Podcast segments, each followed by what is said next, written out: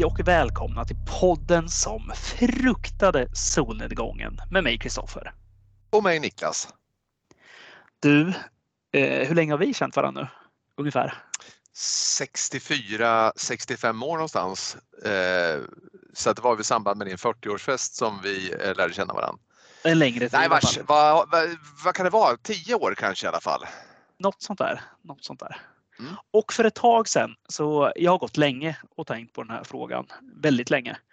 Och ja, men det, är, det är en ganska enkel fråga egentligen. Det liksom, det, den har ett ja eller nej som man vill ha. Och varje gång man ställer den här frågan så, så är man lite nervös där. Man förväntar sig kanske ett ja där. Väldigt nervös var jag och jag ställde den här frågan till dig och jag fick kanske inte just det svaret jag ville ha just då. Jag, jag fick inte ett ringande ja. Och det här smärtar ju mig djupt. Det är något man väldigt gärna vill ha. Men jag frågar ju där, livets fråga. Ska vi inte ha en podd till?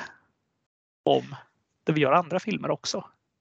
Eh, jo, och när man, ibland när man får den här typen av frågor, vilket man ju får ibland, när man är en sån här karismatisk figur som jag är så får jag ändå den här frågan rätt ofta. Och man vill ju känna att det känns rätt. Så man ska inte bara ge sig in i någonting eh, huvudstupa eh, med risk för att det då kan bli ett abrupt slut i förtid. Eh, och, och, nu har jag väl landat i att jag är så pass trygg i mina känslor inför detta så att jag, jag har valt att tacka ja. Pompa och ståt blir det. Ja, vill du berätta lite vad, hur, ser, hur ser planerna ut här då framåt? För de har vi ju ganska väl enas, eh, enats eh, kring här känns det ju som.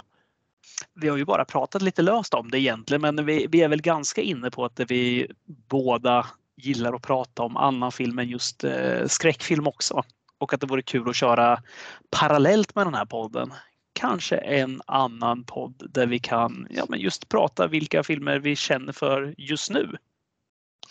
Precis, det känns som att upplägget eh, trivs vi ju med. Ett ganska löst och ledigt samtal kring det som vi båda gillar väldigt mycket och det är ju film och skräckfilm i det här fallet men vi kollar ju också på mycket annan film. Och det kan vara kul att bara få, få snacka lite om dem och också skapa sig ett incitament att se de här filmerna som man kanske har funderat på att man vill se men inte tagit sig tid. Skapar vi ett incitament genom att vi har en liten deadline i de här podden och så vidare. Så att det känns mycket bra. Och eh, nu ska vi inte gå händelserna i förväg och börja lova hur ofta den här podden kommer komma ut men den kommer löpa parallellt med podden som fruktade solnedgången och heta podden som fruktade soluppgången. Det kommer gälla att ha tungan rätt i mun. Men det känns ganska talande för ändå, eh, fruktar vi solnedgången så är vi mörkrädda, då är det skräckfilm. Fruktar vi soluppgången så är det för att vi har ett filmmaraton nattetid och vill inte att det ska bli morgon. Så det känns väl logiskt. Det känns väldigt bra framförallt. Alltså det är väldigt roligt att kunna se de här filmerna som man kanske inte får utlopp för annars. Och där, här kommer det ju vara eh, högt och lågt, precis som det är idag i denna podd.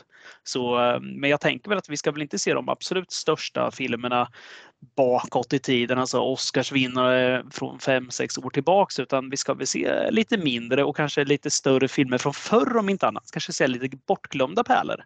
Det är väl eh, så jag tänker att det är väl det vi gillar. Precis, man brukar ju prata om ett spektra när man läser, alltså från Knasen till Prost. Någonstans ska vi ju vara där vad gäller film känner jag. Det, det är liksom mellan Snakes on a plane och och eh, inte vet jag, Citizen Kane. Nu är inte det kanske den svåraste filmen i världen men fatta spektrat. Det är högt och lågt som sagt var. Mm. Nej, det här kommer, det kommer bli roligt så vi får väl bara säga att vi får återkomma så fort eh, det här, eh, när tanken blir till verklighet helt enkelt. Mm. Mycket bra, det ser vi fram emot.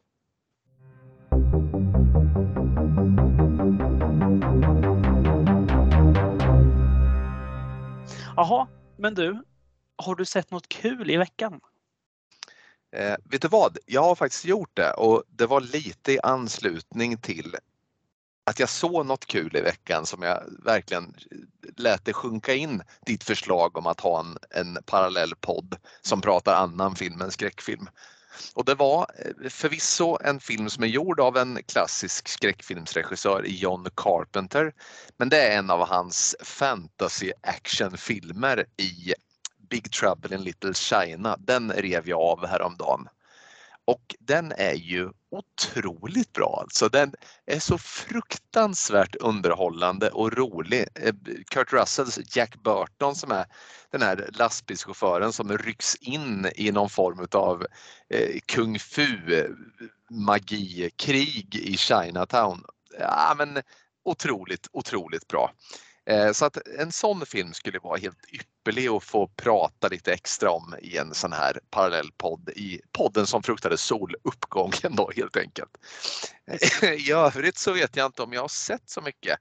Men jag läser en del. Jag fortsätter tugga på med den här Morgonstjärnan av Knausgård som jag har skrivit om lite i vår tråd en, eh, ja, men en riktigt, riktigt bra och alltså det är en, en puttrande långsam bok men det är tydliga Stephen King-vibbar som, eh, som ligger till grund för den och som jag varmt rekommenderar helt enkelt för alla som har ett litet sinne för sådant, vilket vi ju är många som har.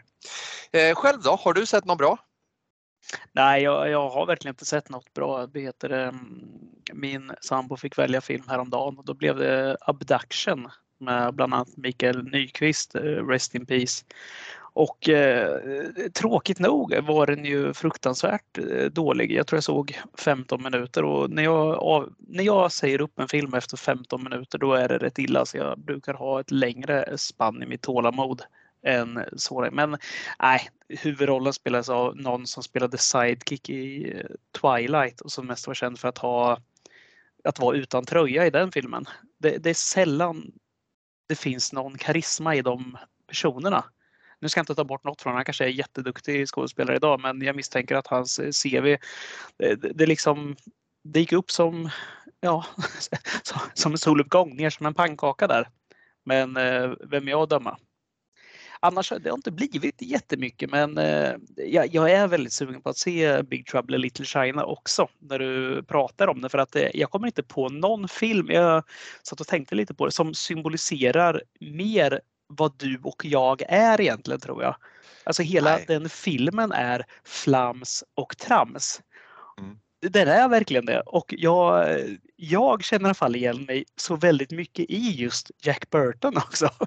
Ja, visst gör man det är just det. Så här, och, men ja, nu är han, han är ju rätt så här, han är ju rätt, äh, jag vill i alla fall hoppas tro att man inte är fullt lika arrogant som den mannen är. Men det roliga är att han är ju arrogant och är stor i käften men fast han är helt värdelös. Han är mer eller mindre i vägen för de andra i hela filmen.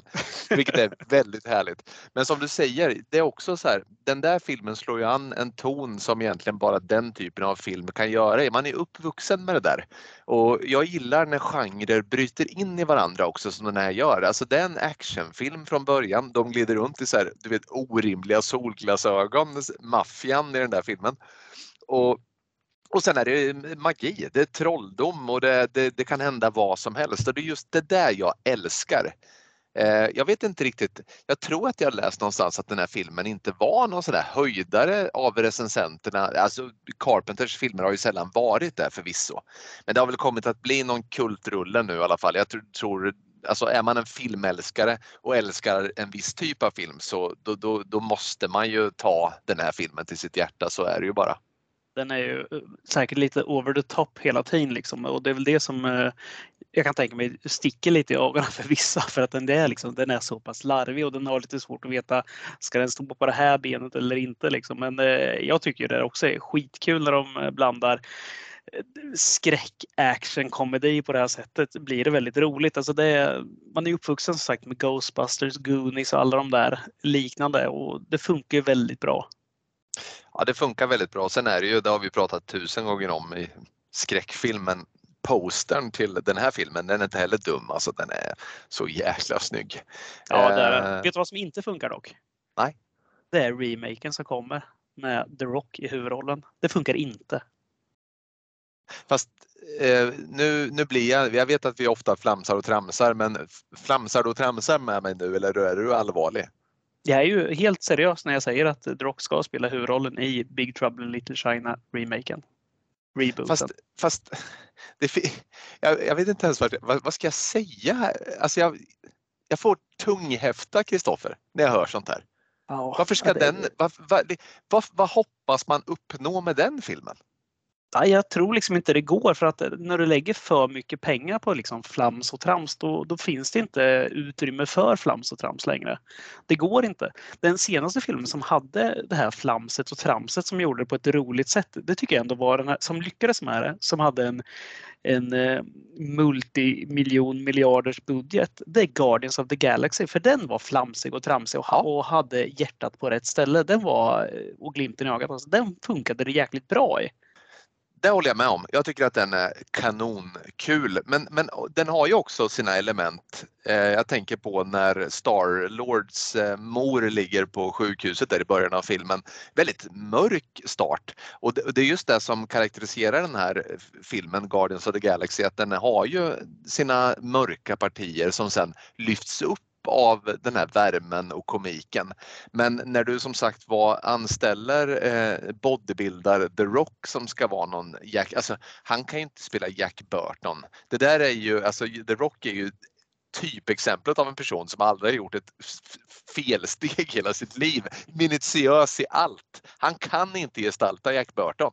Ja, jag är osäker på om det är just den rollen han ska ha där eller om de bara kör en helt ny roll till honom. Men det är onekligen den man kommer tänka och förknippa ja. med hela ja, tiden. Nej, den, eh, den stryker vi över. Den ska jag nog lova mig själv faktiskt att aldrig se ens till och med. Det är en sån film som inte, det, det rycker ingenstans i Pilleviken. Vi eh, kan väl helt enkelt bara göra ett eh, avtal här där vi säger att podden som fruktade soluppgången kommer aldrig avhandla nyinspelningen av Big Trouble in Little China. Så mycket är säkert. Det är helt eh, korrekt. Jaha, börjar det bli dags för det som alla, ja, vi ska inte hålla folk på halster längre, denna snackis alltså. Eh, denna snackis som numera är ett stående inslag och som kanske ingen är så himla förväntansfull över som, som du och jag förvisso. Ja, vi pratar om listan, topp 100-listan. och det, det, det, börjar bli, man vill bara få det ur sig lite nu känner jag för att det är så här man går och handlar och kassörskan ska börja dividera och diskutera filmerna. Liksom. Jag tycker ändå att det är, vi måste få det ur oss nu. Det är, det är för många som, eh, som hålls på halster just nu. Och nu är vi faktiskt eh, på de riktigt fina positionerna, alltså topp 20. Vi ska alltså prata om platserna plats 20 till 11 idag.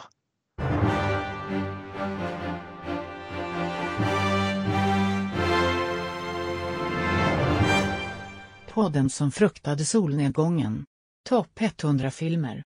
Det är ju trevligt. Jag tänker så här att det, jag tror faktiskt att det är din tur också att eh, ta dig an alltså den näst sista listan här innan eh, vi går i mål. Jag sitter och tittar på den i detta nu och eh, eh, med värme i bröstet så eh, tackar jag för förtroendet och börjar då med eh, plats 20 på Niklas topp 100-lista över de bästa filmerna som någonsin har gjorts. Plats 20. 1994 Quentin Tarantinos Pulp Fiction. Och det här är väl också en sån här film som det finns ju inte så mycket som jag kan tillägga eh, som inte har sagts om den här filmen redan men kort sagt så kan man väl eh, helt enkelt säga att Quentin Tarantino i och med den här filmen ändrade strukturen för hur en film kan vara uppbyggd egentligen. Eh, att, att man kan ha så pass mycket eh, karaktärer, så mycket cool dialog, så mycket nonsens och ändå sy ihop det på det här sättet. Eh, inget annat än mästerligt.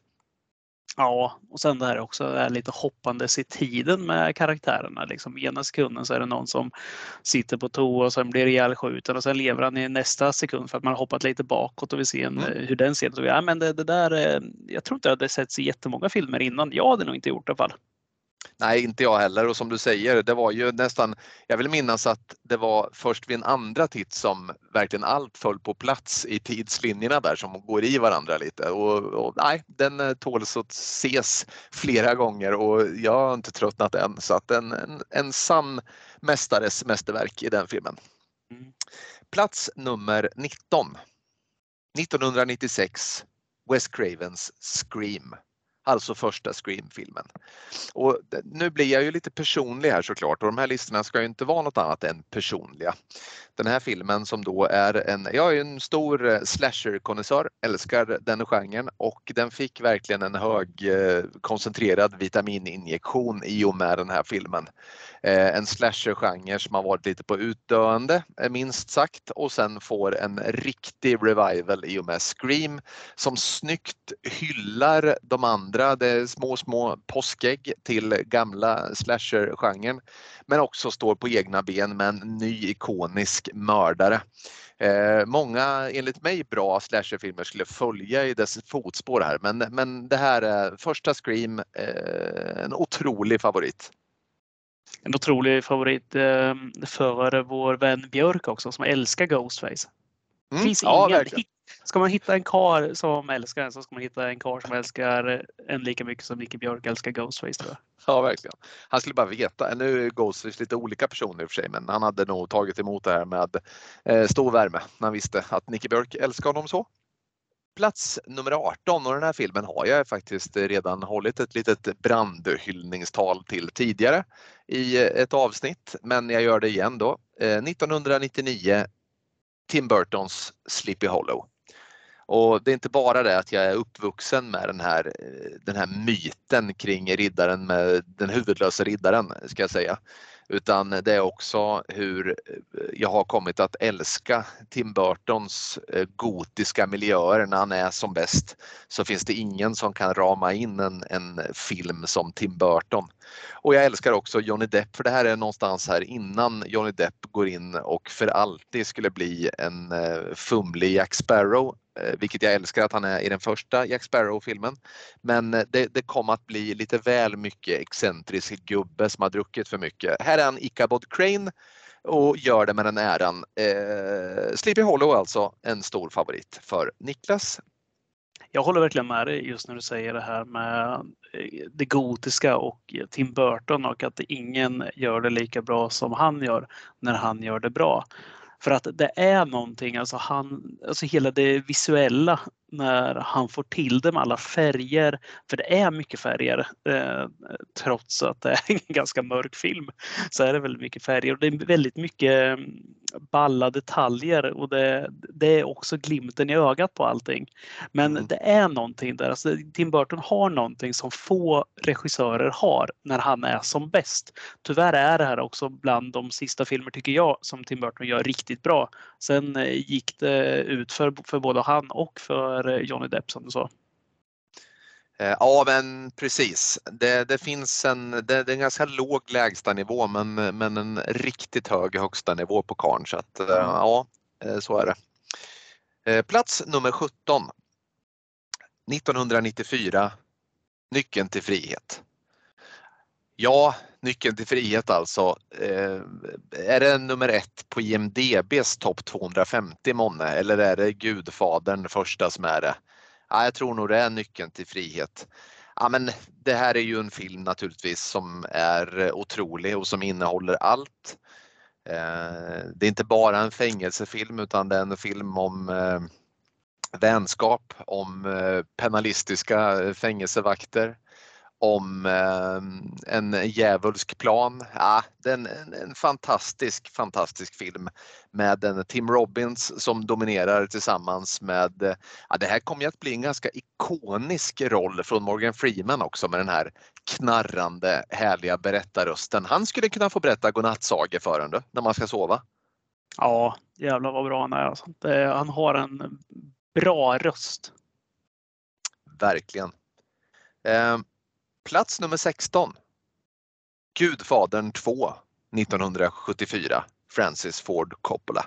Och för den som har varit med eh, och lyssnat på våra listor och eh, mot förmodan tagit in vad vi säger så vet man att jag hade med första Gudfadern också men jag planerade den, eh, plan, eh, planterade den betydligt längre ner på min lista. Men jag är av uppfattningen att jag tycker att Gudfadern 2 faktiskt är vida överlägsen den första filmen. För jag Eh, uppskattar verkligen de här parallella historierna och jag tycker ju att Robert De Niro gör en fantastisk roll när han då gestaltar Don Vito Corleone som ung och hur han eh, då går från botten till toppen. Han får sin hem där och ja, men ett, så här, ett svepande episkt mästerverk helt enkelt. så jävla snygg att det just är två filmer i en eh, Gudfadern del 2. Alltså det är ju verkligen inte många som lyckas med den biten. Att man får följa både den här unga eh, Corleone, eh, alltså Don, och sen även Michael också. Det, de gör det så jävla snyggt. Ja, exakt och det är väldigt sällan som du, du många gånger, man har ju sett många filmer där du hoppar mellan olika eh, tider och har olika så här, berättelser som löper parallellt men sällan som de lyckas hålla lika hög klass. Så det blir nästan så här att du ibland kan känna att åh nej, Eh, tillbaks tack till den andra historien. Men så är det inte här utan de är väldigt, väldigt bra båda två. Och det, sen är det väldigt skönt också, det här är innan liksom all den här eh, dataanimeringstekniken kom som Scorsese valde att använda sig av i eh, Irishman till exempel när han skulle få mm. De Niro att se ung ut. Mm. Alltså det, det liksom, jag, jag köper att det går att göra och det, ser ju, det funkar ju i ett ansikte men det funkar inte alls i liksom när, när man ska röra sig som att man är 60 år yngre. Då funkar det inte. Ser ut Nej, men verkligen. En, Stephen Hawking liksom, när, när, han går omkring, det vill säga du går inte alls. Nej. Men, eh, och i det här funkar det ju bra mycket bättre liksom att de valde att inte ha Marlon Brando som eh, tillbaka i, liksom, i unga dagar igen. Det hade ju varit jättekonstigt. Han har ju varit för jävla fet också för övrigt. det hade varit konstigt. Men, nej, men det, det, funkar väldigt bra istället att ta in eh, De Niro då. Jag tycker det är det som är facit. Det är så du ska göra. Du får helt enkelt hitta en annan skådis som är hyfsat lik och som tänkbart kunde sett ut som, som personen i fråga i yngre år. Ja, eh. och det, och det där eh, sitter jag och är väldigt ambivalent nu inför, förlåt om jag kapar din lista lite här, men Nej. inför eh, nya Indiana Jones-filmer som kommer när de har valt att liksom föryngra Harrison Ford bra mycket. Men de har ju mycket material från de gamla filmerna och från Star Wars och liknande liksom när ansiktet finns. Men jag är livrädd för det här hur det ska vara med en ganska fysisk Indiana Jones ändå, hur de ska lyckas med det här. Men ja, man får väl ha lite tro på kreatörerna. Ja, men visst, och jag vill bara eh, bolla tillbaka igen där till just Irishman för att jag är en av dem som ändå tycker att Irishman var en riktigt bra film. Men det, fin- det är någonting som bryter magin och det är ganska påtagligt att även, precis som du säger, även fast du får Robert De Niros ansikte att se ut som att han är 35-40 igen så är det ändå en 75-80-årig gubbe som går i och ur bilar och det, det, det kan du inte göra någonting åt. Och det där är nästan ett hån emot hela skådespeleriet. Det är ju inte hans fel. Eh, det är bara det att eh, det hade varit betydligt mer klädsamt att ta, ta någon, vem som helst. Det måste finnas hur mycket bra skådisar som helst som du kan liksom klippa mellan och sen låter du Robert De Niro spela Robert De Niro när han är gammal istället. Det är så ja. dumt det där. Och The Rock som ung. The Rock som eh, Don Vito Corleone. Alla hade ju nästan passat. Med bomull i käften. Ja, bredaxlad. Ja, så i helvete. Alltså jävlar vad han kör sån här bänkpress eh, eh Don Vito Corleone. Plats nummer 15. 1983 Return of the Jedi. Och det är ingen hemlighet. Det är ingen hemlighet för mig att du älskar Star Wars. Det är troligtvis ingen hemlighet för dig att jag älskar Star Wars denna eh, grand final på den ursprungliga trilogin där då eh, den slutgiltiga fighten mellan Darth Vader och Luke Skywalker ska äga rum. Där kejsaren Palpatine ska få på nöten till sist. Ja, men det, det, det, inget, det finns inget, det kanske, jag vet inte om det finns någon film som jag sett så många gånger som just den här filmen. Eh, och ibland så kan det vara, det är ungefär, du vet, det är lite som att lyssna på en skiva igen som du har hört tusen gånger. Ibland får du för dig att skivan är av lite sämre kvalitet kanske för att du är trött på den. Men det är ju inte skivans fel. Lite samma sak är det här med Return of the Jedi. Jag känner så här, jag vet inte, liksom jag har sett den så mycket. Ja, men det fråntar inte det faktumet att det är en fantastisk eh, rymdfantasyfilm som är ikonisk och som har inneburit hur mycket glädje för mig som helst i livet. Så att plats nummer 15, Return of the Jedi. Det är ju just det där du säger, alltså det här som har gett en så mycket glädje i livet som man fastnar för. Alltså för det, jag, jag håller helt med dig. Jag, jag har ju också sett den där, man har haft den här på ett så slitet VHS-band så det finns inte. Inte köpa eh, VHS utan en sån här inspelad med timecode inspelat av farsan som har suttit och försökt programmera den där VHSen. Men, och det, det är liksom någonting med det där. Man man drar på smilbandet hur gammal man än är. Och faktum är att jag vill nog se det. Jag vill inte se det i så här super HD deluxe 8K variant utan jag vill, nog, jag vill fortfarande bara trycka i det där, just det där videobandet. Det är så det alltid kommer vara för mig också med just den filmen. För det är, det är filmromantik i sitt esse för mig. Eh, jag håller helt med. Jag kan också till och med sakna, du vet, när man hade en VOS och du vet när den precis drar igång och det, det svajar bilden så här, säger det i två sekunder kanske innan det sätter sig liksom. Det, det, det, där är någonting som jag verkligen saknar ibland. Och i synnerhet, ja. nu var inte det just Return of the Jedi utan det var First Blood som var extremt svajig i början och så kornig bild. Men jag vill aldrig mer se, jag vill inte se någon annan version. Jag vill se de här gamla som man är uppvuxen med helt enkelt. Men jag tror att det är lite där också att man har den här att det, det svajar till, att den, här, den går från att vara i någon så här crap-kvalitet. Som man hyrde film var det ju samma sak också ofta att man fick så här tracka in bilden. För att det var så mm. Kommer du ihåg det? Trackfunktionen ja. på, ja, det var ju ja, så visst. dåligt så då var man ju så här, förväntningarna gick ju ner i botten. Så här, nej, den här kommer vara skitkass kvalitet tänkte man. Så här, och så satt man och lekte lite med den där. Lekte så här, det låter som att man satt och så här, men jag justerade lite där och där. Det fanns det knappar upp eller ner så här, det var inte så svårt. Och sen när man lyckades hitta en duglig bild, då var det som att allt var vunnet. Och då, var ju, då var, kom ju förväntningarna upp igen. Alltså då, ja, då, alltså, då hade man ju allt framför sig, allt det här bra. Så att man hade liksom gått från noll till hundra direkt så då, då var det liksom, det, alltså det är det perfekta när du ska se en film. Att ha mm. låga förväntningar och sen lyckas med någonting eller bara se något perfekt i filmen. Och det mm. där, kom, det där lyckas man aldrig med i dagens filmer för allt ser ju perfekt ut direkt. För att till och med introt numera är ju snyggare än något annat man har sett. Liksom, det är ju mer, det är en större budget på att eh, Dreamworks Picture-loggan ska visas upp än antagligen vad hela Return of the Jedi hade. Ja, verkligen och speciellt om du har någon så här eh, Ultra Blu-ray där du när menyn kommer där du kan välja att scener eller Directors Cut eller vad det nu är du väljer i menyn så är just den, det är snyggare än filmen som sagt var. Så att det där är ju, men det där är inte alltid, det, vi, eh, vi, nu kan vi tillåta oss att sitta här och vara lite nostalgiska och gubbtjuriga över svunna tider men just vad gäller det här var det fan bättre för. Ja, men jag, jag, tror verkligen på, på riktigt att just den här grejen, den här fascinationen vid att ha den här perfekta bilden och det perfekta ljudet. Alltså, jag kan inte vara mer ointresserad av det. Missförstå mig rätt, jag älskar också att, det ska vara bra bild på saker. Men det, det, kommer också en gräns när jag inte ser skillnad längre. Liksom på så här, när det kom eh, helt plötsligt från VHS till DVD, ja men det vart ju stor skillnad. DVD till HD vart det också mm. jätteskillnad.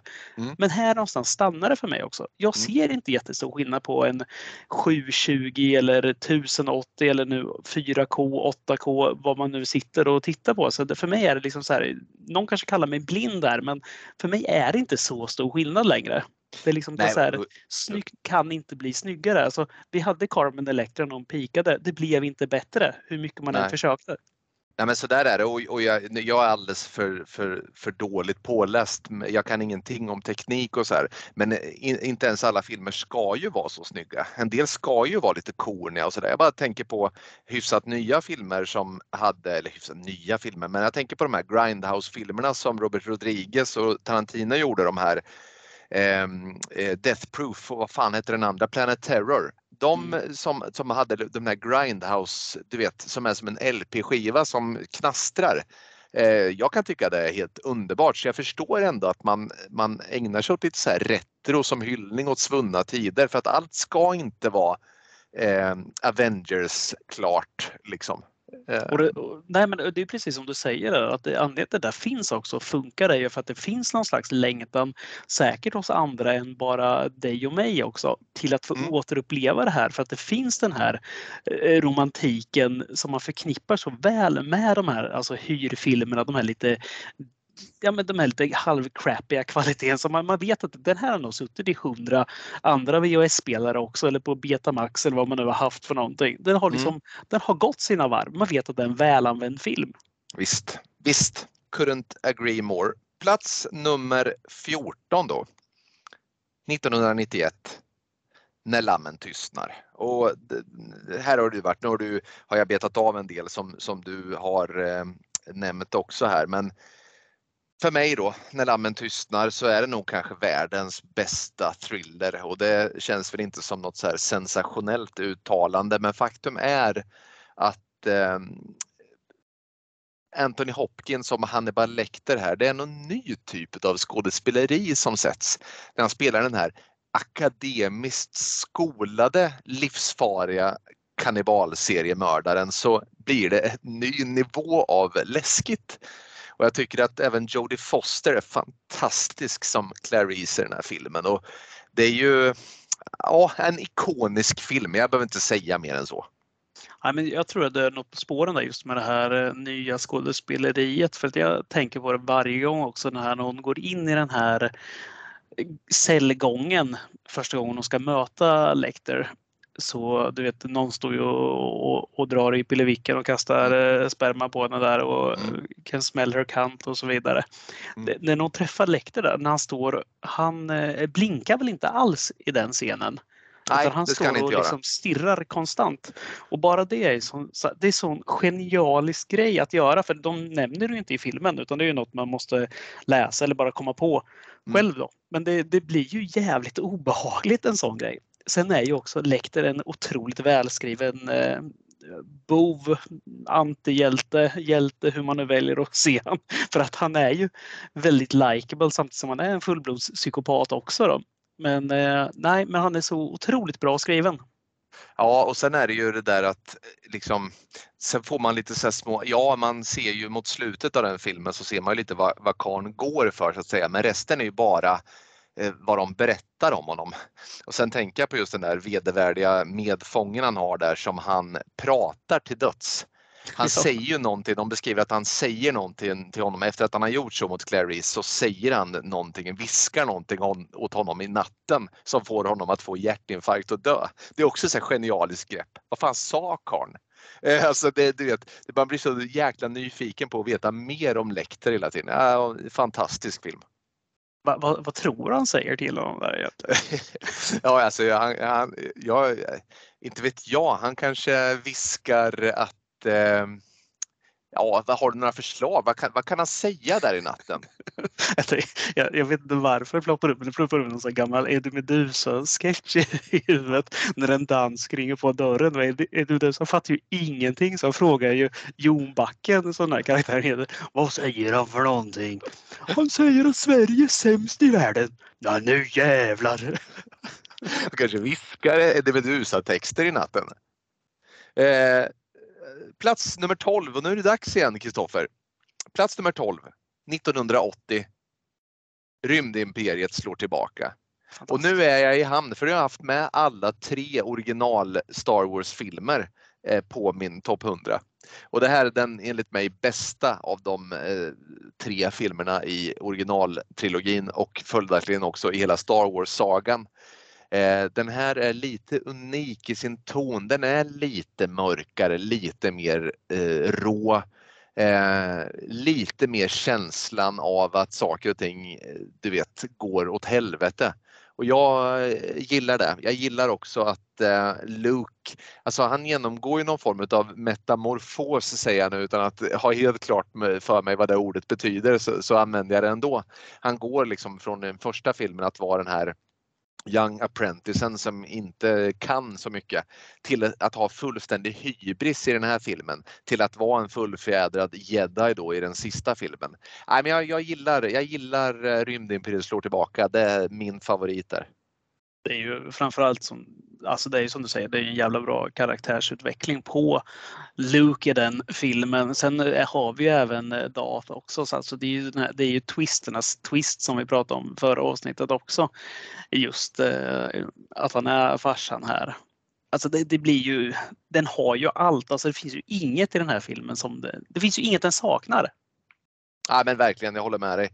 Och eh, för att förtydliga då att det kanske inte är, ja, eh, metamorfos alltså betyder förvandling eller omvandling inom biologin som särskilt handlar om radikala förändringar så som när en fjärilslarv går genom ett puppstadium till att bli en vuxen fjäril. Det är inte riktigt det han gör, Luke, men likväl så går han från Young Apprentice till Jedi, eh, vill jag bara förtydliga.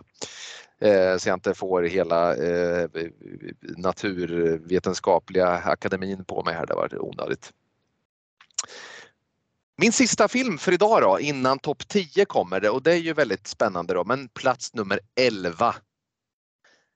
1979 Ridley Scotts Alien. Och nu är vi ju nere på de här platserna. Det här är ju en stor favoritfilm för mig som de senaste åtminstone 50 filmerna har varit. Eh, men, men, men det här är ju någonting särskilt alltså. Det är ju, den är ju fullständigt unik på alla tänkbara sätt. Eh, hur du kanske förpassar då en handling till rymden. Bara taglinen i rymden kan ingen höra dig skrika. Genial. Pekar på att någonting kommer gå åt helvete där uppe bland stjärnorna. Sigourney Weaver i den ikoniska rollen som Ellen Ripley. Eh, en jäkligt cool hjälte som, som har den perfekta avvägningen till att vara smart och ändå kapabel. Eh, och eh, Giger, Giger heter han va, han som har gjort det här monstret. Det är ju också en sån här eh, once eh, in a lifetime projekt att kunna komma upp med så här fantastiskt snyggt eh, biologiskt monster. Så fruktansvärt dödligt och så jäkla underbart skådespeleri när de sitter i rymdfärjan innan John Hurt börjar få ont i magen där. Eh, ja, en, en, en, ja, kanske tidernas bästa skräckfilm beroende på humör. Så är det ju bara. Eh, otrolig Alien 1.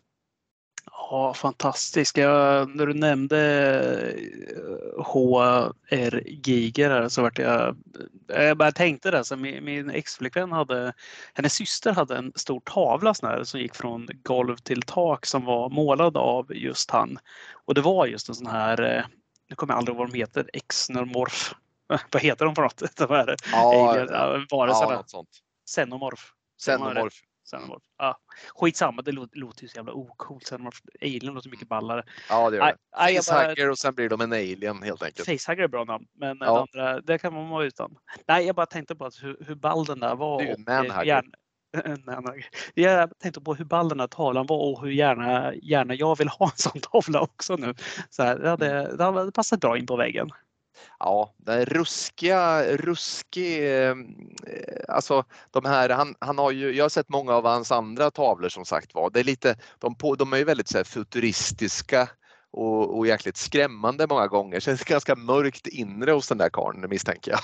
Det, men det, det är som jag alltid säger, som jag gillar det här det industriella, du vet, med det mm. skitiga, lite så slafsiga och det är ju exakt det man får av de där. Det ser ut som så här, som flugan av Cronberry ungefär. Alltså allt ser likadant ut och det är mm. ballt. Det gillar man. Verkligen. Jaha. Men du, eh, det, det var ju en trevlig lista. Ja, jag tycker det. Här är Fan mycket... hade det varit annars. När du ja, märkligt 20 det så här, nej, det var inte så bra den där listan. Nej. Ångar nej, många. Precis. Nej, eh, nej, men det är bra. Nu ser jag fram emot eh, din då. Ja men vad kul, tack. Eh, jag, jag ska se om vi kan eh, lyckas tajma någon av filmerna här. Jag har inte kollat så noga men, ja, men jag kör igång då. Eh, plats nummer 20 på Hoffs lista. Och då trillar den in. The Untouchables från 1987 av den alltså ojämna, tycker jag, Brian De Palma. Med en fantastisk eh, Kevin Costner. Det, det, går inte att prata nog om hur fantastisk Kevin Costner är men eh, jag kan prata väldigt snabbt och kort om hur ojämn eh, Brian De Palma är i alla fall. Men filmen The Untouchables den är så pass bra. Alltså. Den har en fantastisk casting också. Både Sean Connery och eh, De Niro. Alltså det, det, är många där som är riktigt bra i den här. Ja, verkligen. Den är ju, eh, det är också en sån här film som är de görs inte så jäkla mycket längre, de här filmerna som är så otroligt genomarbetade och stjärnspäckade och underhållande, gripande på samma gång. Så det, det, de får inte riktigt till det på samma sätt. Men den här, helt klart minnesvärd. Jag gillar också det här där man ska samla ihop ett gäng, alltså som i många filmer som gjordes lite för, för ett tag sedan. Alltså så här, heistfilmer har ju ofta det, att man samlar ihop sin lilla trupp som ska genomföra en kupp. Då. Men just i den här när Elliot Nester samlar ihop sina män, liksom, all, de ena karaktären är hårdare än den andra eller de har sina egna specialkunskaper. Alltså sånt gillar jag. Alltså, jag det går jag fan igång på. Jag tycker det är det härligt. Gillas. Verkligen. Ja, men det gör verkligen det. Ja, vi lämnar den och så hoppar vi till, ja, men vi hoppar väl till en till kanske en mer heistfilm då som kanske är liknande. Och då blir det Christopher Nolans Inception då från 2010. Hans drömfilm på alla vis. Men eh, lika fantastisk som Kevin är i den förra då, så är ju DiCaprio i den här och Cillian Murphy som är lite så här favoritskådis hos mig. Ja, de är i storfilm, storfilm, storform är de. Och Storform måste... i en storfilm kanske? Ja, det är de. Och man måste nästan nämna här också, han är bortglömd, men jag älskar när regissörer plockar in en sån här skådis som inte har gjort något väsen av sig på länge. Tom Berenger som eh, den här advokaten till den här Cillian Murphy-familjen. Då. Så han är med. Han dyker upp i en sån här film och det, det glädjer mig något kopiöst att han liksom plockas in för en sån roll. Precis lite så som Tarantino brukar göra ju. Han dammar av så här gamla klenoder. Det är alltid uppskattat. Ja men det är det. Och i Tarantinos fall måste man alltid säga också att det är så här att han dammar av de här som kanske inte alltid har varit särskilt bra. Han har ju en förkärlek till att alltid ha Michael Madsen i sina filmer. Mm. Michael Madsen har ju inte gjort en... Alltså jag... Nu kanske jag skiter i blodsvåpet men någonstans men Michael Madsen, har han gjort en bra film någonsin? Som inte är Tarantino? Ja. Nej, det är ytterst tveksamt. Nej, men man får gärna höra av sig med en film som eh, är bättre men eh, jag kommer inte på någon. Alltid ganska så här halvdassig. Känns som att han kan ha haft så substansproblem eller något liknande så här, utan att ta gift på det eller ha något belägg för det. Men eh, nej, han känns som problem. Mm. Skitsamma. Han var inte med i den där, jag måste bara, det var inte så att han var med i någon sån här eh, maffiafilm som var hygg... Ah, skitsamma, vi ska inte stanna vid honom. Nej, jag håller med dig. Det känns inte som att han är... En, en, han är med i mycket, men inte mycket som är bra. Nej, exakt. Något som är bra istället då, det är ju plats 18 givetvis. Och här kommer vi tillbaka till en sån här film som har glimten i ögat, fantasivärldar, magi inblandat och den är gjord samma år som jag föds, 1985. Robert Semikis Tillbaka till framtiden. Och det här är en sån här film. Precis som, precis som eh, Jedins återkomst så är det en sån här film. Du kan, du kan trycka i det där VHS-bandet. Du kan se den här filmen precis hur många gånger du vill. Du kan börja en halvtimme in, en timme in och du kommer ändå bara, du, kan, du kommer kunna sätta varenda replik antagligen i det. Och du kommer skratta och du kommer tycka det är spännande varje gång. Och vet du vad som är extra påtagligt med just Back to the Future? Det är att det, det, du får känslan av, ja men eh, ja, liksom, du vet, ju mer du har sett den här filmen, så här, men får han verkligen ihop det? Går det ihop? Men vet du, vad, vet du vad som är grejen är? För hela filmen går ihop. Det är så snyggt.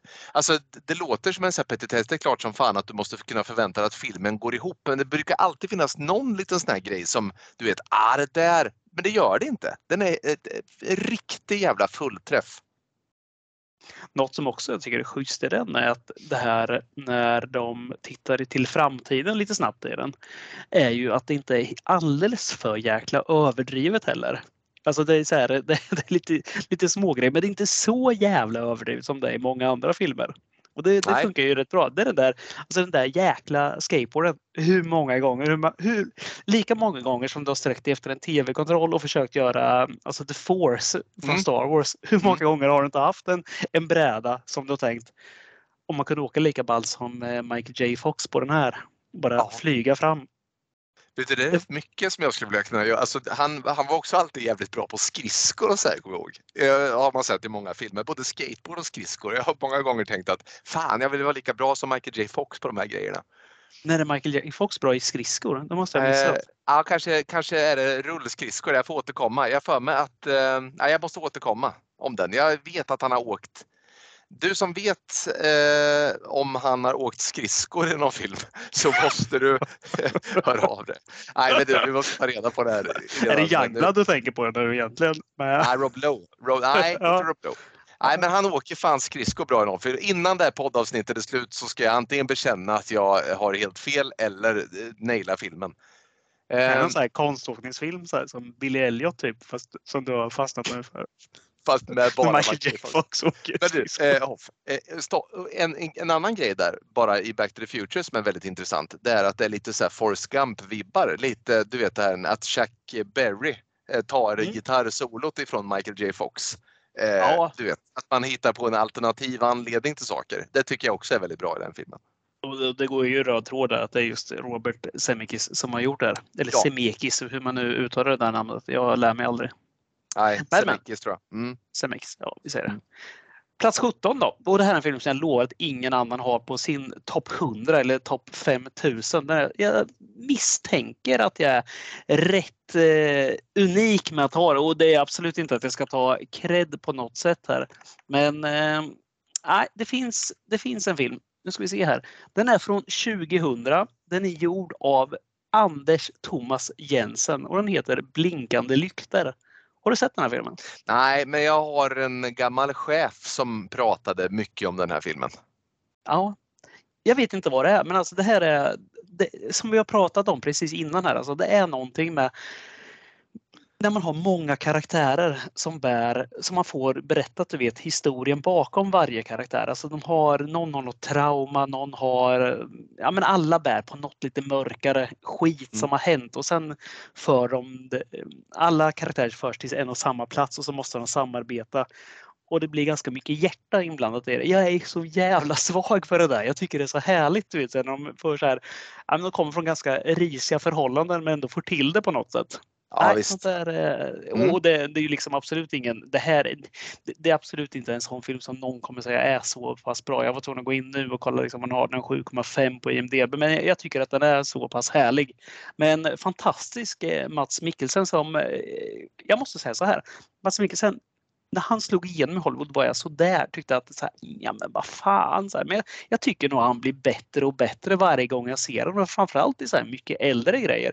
Innan ja. han slog igenom i Hollywood så tycker jag så här, ja men jävlar vad bra karln är alltså. Han är ju otrolig. Ja. Ja, men han är faktiskt otroligt eh, bra och han ju också oerhört, han, han har verkligen så här, du vet, filmstjärnelyster också karln. Ja, det har den. Sen är det också, det här är ju en dansk film och det är något med danskar, alltså när de, eh, de vågar sticka ut hakan lite som, som vi svenskar också gjorde en gång i tiden när vi gjorde film innan eh, vi började göra betydligt tråkigare filmer. Men mm. danskarna har det här med att man behöver inte alltid vara helt korrekt. Och man kan liksom man kan sticka ut och det är okej okay att vara annorlunda. Det blir jävligt bra ofta. Jag, jag gillar det. Alltså det är mycket mm. så här ja, men du vet, naket och sen är det knark och det, man visar skit samtidigt som det är mycket hjärta i andra sekunder. Alltså sånt, ja, men det, det, det är nyanser och det är jäkligt bra. Det är bra. Ja, vi lämnar den och vi hoppar till plats nummer 16. Den här har du redan haft så jag ska inte prata jättemycket om den men eh, här har vi en film som inte alls har mycket hjärta eller nyanser men det är David Finchers 2007 Zodiac. Och det är ja, det är mörkt. Och det, men det är också det, det, det, man älskar jävligt mycket som jag vet både du och jag tycker om är ju seriemördarfilmer. Det är ja. någonting i det här med och speciellt när man liksom så bara det, det är så jävla tragiskt och hemskt där med det här skiffret liksom, eller skiffret som han lämnar efter sig. Det finns någonting där som är som är något så otroligt spännande liksom för att, för att det är verkligt och att det, man vill lösa det här skiten. Även, eh, nu var det väl någon som eventuellt hade löst det. Jag vet ja. inte hur det där eh, var riktigt. Det har varit väldigt, fått väldigt lite nyheter om det egentligen efteråt. Ja, men, eller de lyckas i alla fall lösa vad han skrev för någonting utan att för den skull kunna veta vem han var. Eh, men ja. jävligt kittlande ändå naturligtvis ja, fantastisk seriemördarjaktfilm i alla fall. Sannerligen. Ja, men nu kommer det. Nu träffar vi återigen en film på listan. Kanske inte exakt samma placering, men ganska nära. Och det är ju då Shawshank Redemption, Nyckeln till frihet 1994, Frank Darabont och av Stephen King. Jag har inte heller den i toppen, även fast det är en så här fantastisk film. Det hade mycket väl kunnat vara en etta, men eh, det är ju en personlig lista. Man vill inte vara mm. som alla andra heller. Alltså det, jag, jag, jag, kan säga så här, jag hittar inget negativt i filmen. Alltså det är en perfekt film. Men eh, nej, nu, nu ska det ner. Nej, men, man måste kunna skilja på, på listor. Ja men precis, men nu är vi på de här platserna då det, då, då det kan vara lite hugget som stucket. Alltså en annan dag så skulle den här filmen, alltså när vi gjorde den här listan, när jag gjorde den här listan, då, då hittade jag några filmer som är bättre än den här, men den är ju naturligtvis ett mästerverk i alla fall. Ja, ja men den är, den är verkligen fantastisk rakt av. Det finns liksom inget eh, dåligt någonstans i den. Och det, den är spännande, den är gripande, den har, den har allt. Eh, vi hoppar till plats 14 som är en sån film som inte är nämnd på din lista. Och det är Stanley Kubricks Full Metal Jacket från 1987. och den har lite av vad jag skulle säga Gudfadern 2 har. Inte på samma sätt, men den har liksom två filmer i sig. Framförallt så tycker jag del 1 i filmen, för den här tycker jag inte är tredelad utan jag tycker att den är tvådelad den här första delen på själva till säga, militärakademin. Nu är jag noll militärintresserad, jag har ingen aning om vad man kallar det. Men, Nej, men de är rekryter helt enkelt. Ja, precis. När de är där, alltså den delen av filmen är otroligt bra. Jag tycker alltid det. Varje gång jag ser en, en krigsfilm så tycker jag alltid att den är bäst innan de kommer till kriget när de är på, liksom på anläggningen och tränar inför det för att man får de här machokillarna du vet, som alltid finns i de här filmerna som ska ut i krig och det kommer, jag är så jävla taggad för det. Och så har vi de här som är lite mer hjärna och hjärta som sitter och tänker att det här kanske inte blir så bra. De, och man får, de, de, liksom, de, får, de ändrar, ändrar ju alltid uppfattning de här på ett eller annat sätt och jag tycker att eh, det görs riktigt bra i den här. Och sen är ju Vincent, eh, vet han, Vincent Dinofrio, Dinifrio Dinofrio. Han som spelar den här, eh, vad heter den? Lieutenant Pyle, Kyle. Fan tappade jag namnet på Den klassiska gapande, eh, ja precis, det har inte jag heller färskt. Är han som trycker pipan i munnen och blåser av. Jaha okej, okay. jag trodde du menade han som är själva, ja du vet. Ja, han som, han som vill uh, rip your throat out. Ja, rip shit out your throat. Han, han är mm. också bra. Mm. Drill instructor. Jag kommer aldrig ja, just det. Drill instructor. Ja, precis. Uh, nej, men just den här, det här mobboffret, han är ju så jävla bra. Och då, då gör det fan ont i hjärtat alltså. För det där är inte långt ifrån vad man har kanske sett själv under skolgång och liknande. Kanske inte på riktigt samma brutala sätt, men Nej, men det är ju en fruktansvärt eh, scen när de ertappar honom med att ha godis eller vad det är, munkar eller vad det är han har i sitt skåp och alla andra får göra du vet, tusen armhävningar och sit-ups medan han äter munkarna. Ja, och sen, sen samlar in de här eh, strumporna med tålar i och, och spöar honom. Det gör så jäkla ont. Och där har ju Simpsons gjort en sån här dum eh, du vet, satir över det där där Homer blir ertappad av att ha munkar och, så här, och alla får göra sit-ups. Så han bara sitter, gud vad skönt att de andra får göra sit-ups medan jag äter. Så jag fattar inte ett dugg eh, sensmoralen i det. Så här, dumt, ja. men lite kul ändå. Ja. Jaha, plats nummer 13. Nu träffar vi nästan varann, men inte, inte riktigt. För jag har här på plats nummer 13 Aliens från 1986 av ah, James mm. Cameron istället. Mm. Och det är ju någonting med den här filmen. Alltså det, det, det, är svårt, alltså det är svårt att särskilja de här tycker jag för att det, det är liksom två olika typer av filmer, Alien och Aliens. Det, det, är så olika det kan bli i den eh, för att vara ändå samma serie. Mm. För att det, när liksom där Alien har det så är det ju liksom skräck rakt av. Alltså sci-fi skräck och här har vi verkligen sci-fi action istället. Sci-fi action skräck kanske man får lägga till då. Väldigt lite skräck faktiskt i Alien som jag ska vara ärlig men den, äh, men den har sina element ändå såklart. Ja men det har den. Och vet du vad den har mer? Den har den alltid lika fantastiska Bill Paxton. Game over man, game over! Ja, han är den enda rimliga av de här. Ja, Hicks möjligtvis då. Eh, ja. Michael Beans karaktär. Men de, många av de andra, det är ett riktigt rövgäng, alltså de här marinsoldaterna. Ja men det är det. Men vet du vad också som är skönt? Det är att varje gång vi nämner Bill Paxton att vi alltid nämner honom som att han är hur fin han är. Oh, det här tycker jag är en kul grej. Det är, det, det är fint. Där. Sen att han dog för nyligen också så blir det liksom mm. ännu finare. Men, ja, men jag älskar fan Bill Paxton. Jag gör ju, det gör jag också, verkligen. Ja.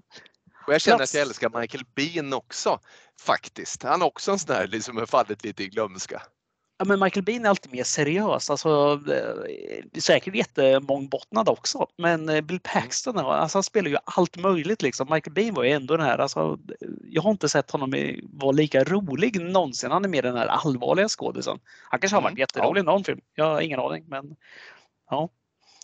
Nummer 12 då. Då tar vi en allvarligare film och det här vet jag är en film som du gillar skarpt. 1973 och kanske den otäckaste film man någonsin sett i just ung ålder. Exorcisten. William, ja. vad heter han? Fredkin? Friedkin? William Friedkin, ja precis. Ja. Men du eh, Kristoffer. Ja. Har, har jag lyckats?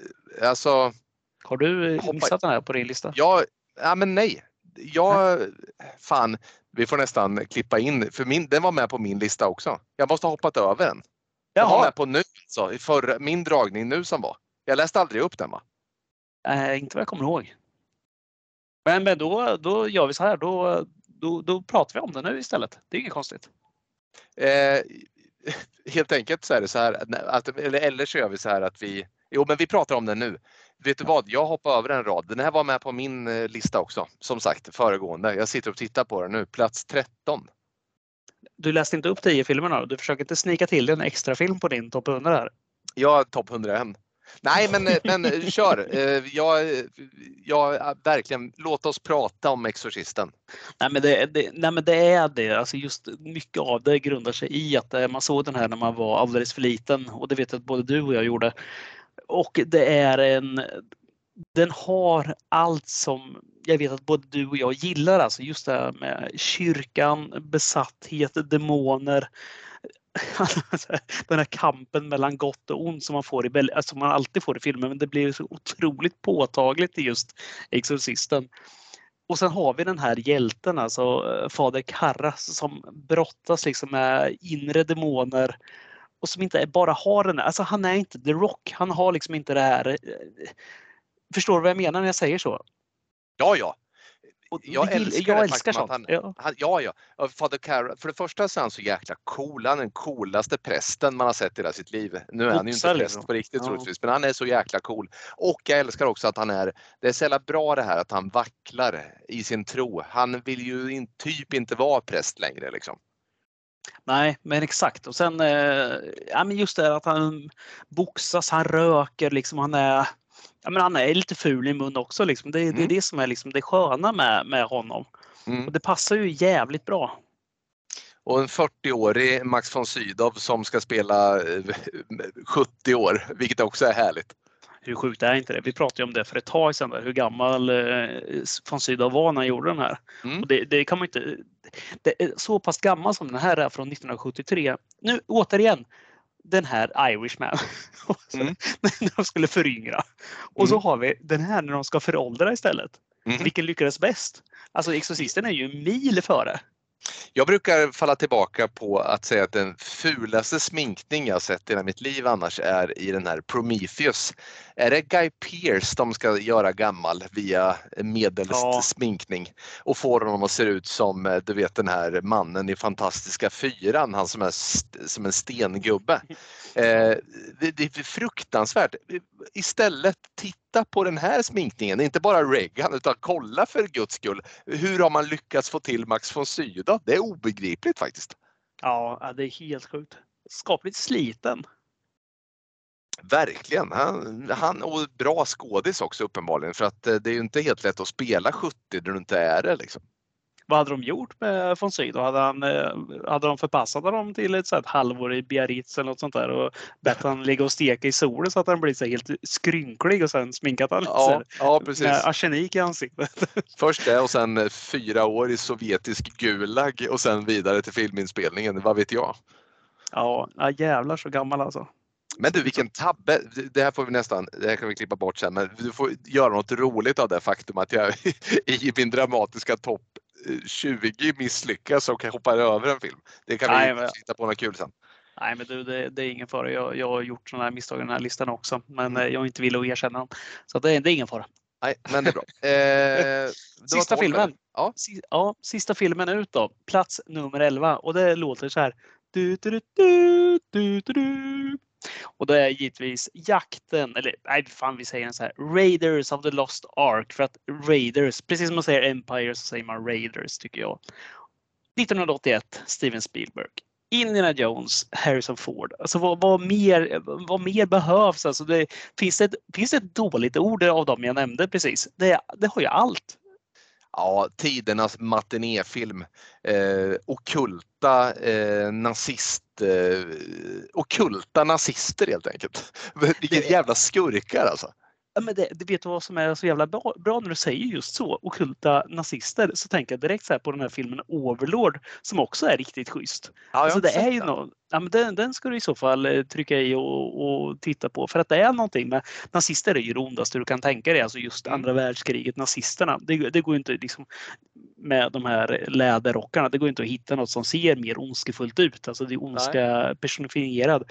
Så det är otroligt bra. Men eh, just okulta också blir så här, Det är ju bara, då steppar de upp ytterligare en gång. Det går ju ja. liksom. Det är som ja, det är den här död snö som kommer zombies. Liksom. Alltså det, det går liksom inte så här.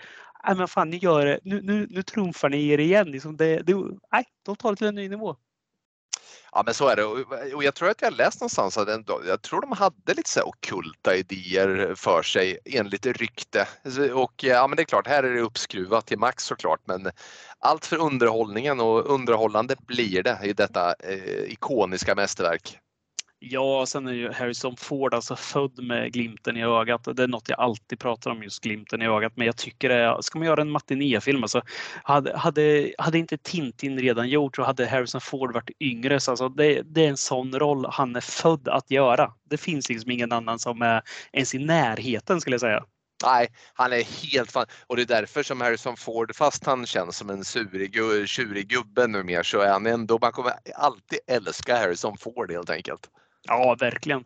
Nej, men det, det är som du säger också med, här med nazisternas sökande efter de här okulta tingen. Det var ju, jag vet att jag läste just om så här, att Hitler var helt besatt av, av den där Eh, av de här myterna och kring eh, Spear of Destiny. Jag vet fan vad det heter på svenska. Heter det ödets spjut kanske? Jag kommer inte ens ihåg. Det är väl något så här bibliskt omnämnt spjut som man också mm skulle leta efter. Och tydligen var det sådana grejer. Nu får jag väl så här.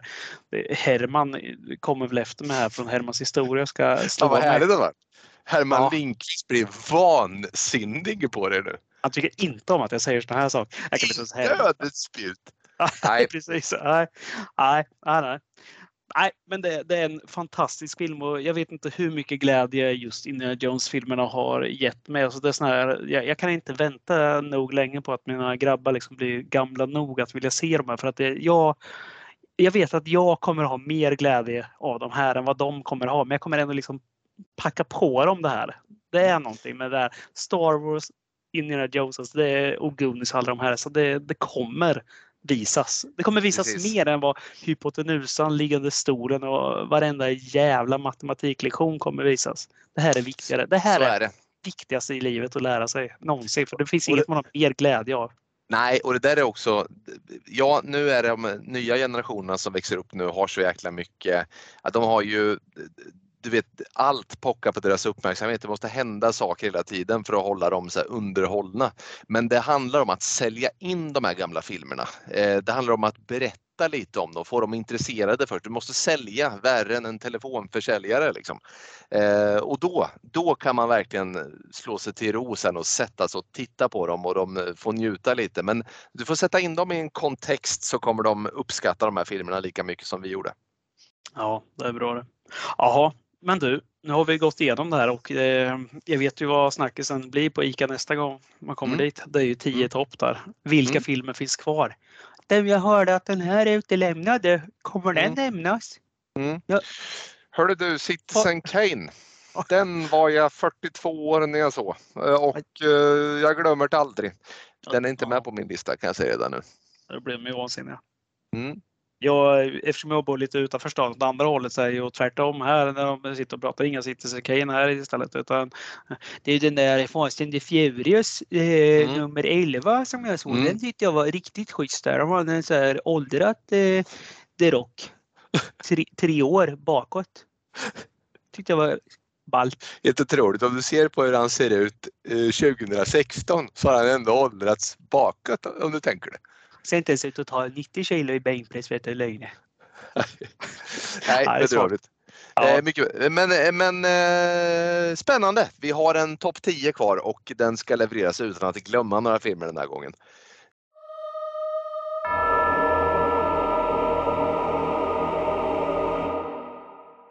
Det är dags för oss att fortsätta med eh, Conjuring Verse.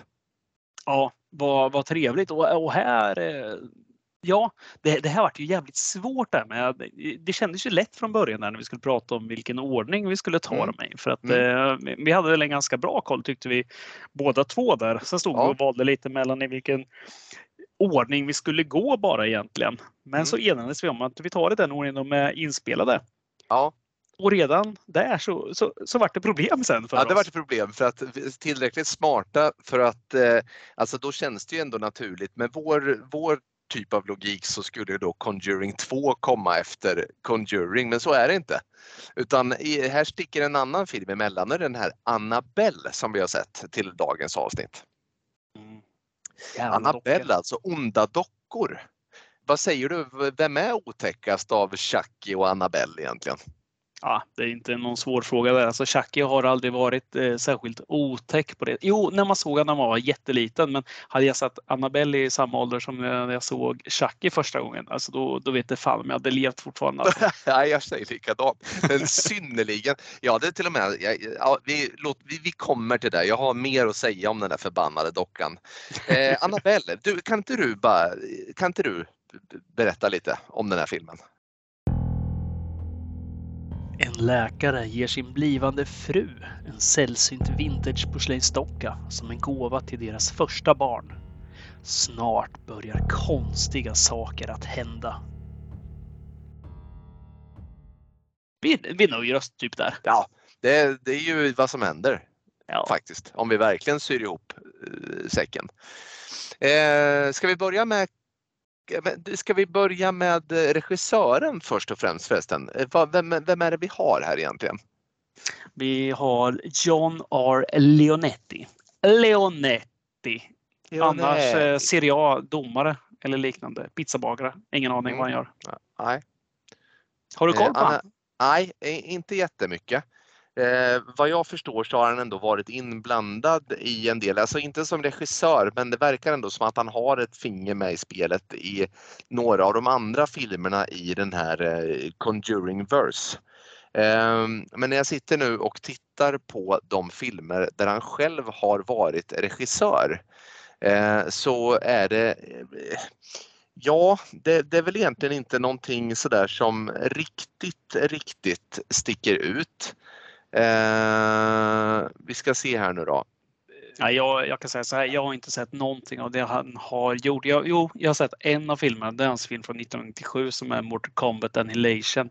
Men det, Ja. det är liksom inte, och det är väl, jag vet inte ens, är det Mortal Kombat 2 kanske? Det är Mortal Kombat 2, den Kung Lao kommer. Jag har för mig att den är gränslöst kall, eh, kass faktiskt. Ja, den är fruktansvärt dålig för Raiden är ju ersatt. Alltså där, det är ju inte ens eh, Christopher Lambert längre utan det är Nej. någon annan här och det, det är tråkigt. Mm. Nej, men sen har jag sett, han gjorde ju Butterfly Effect 2 också. Eh, Tyvärr, alltså, nu, nu snackar man ner det totalt här men ja, den var ju också hiskeligt dålig. Det hör man ju faktiskt. Men det som är roligt är att han har gjort ett avsnitt av eh, en film som du faktiskt gillar och det är den här serien Sleepy Hollow. De gjorde ju en, en tv-serie på den också. För inte alls jättelänge sedan. Men, eller jättelänge sedan säger jag. eh, Det där får folk eh, lägga egna värderingar i. Den är från 2015. Jag tycker att det är ganska nytt fortfarande. Ja, du det är allt med.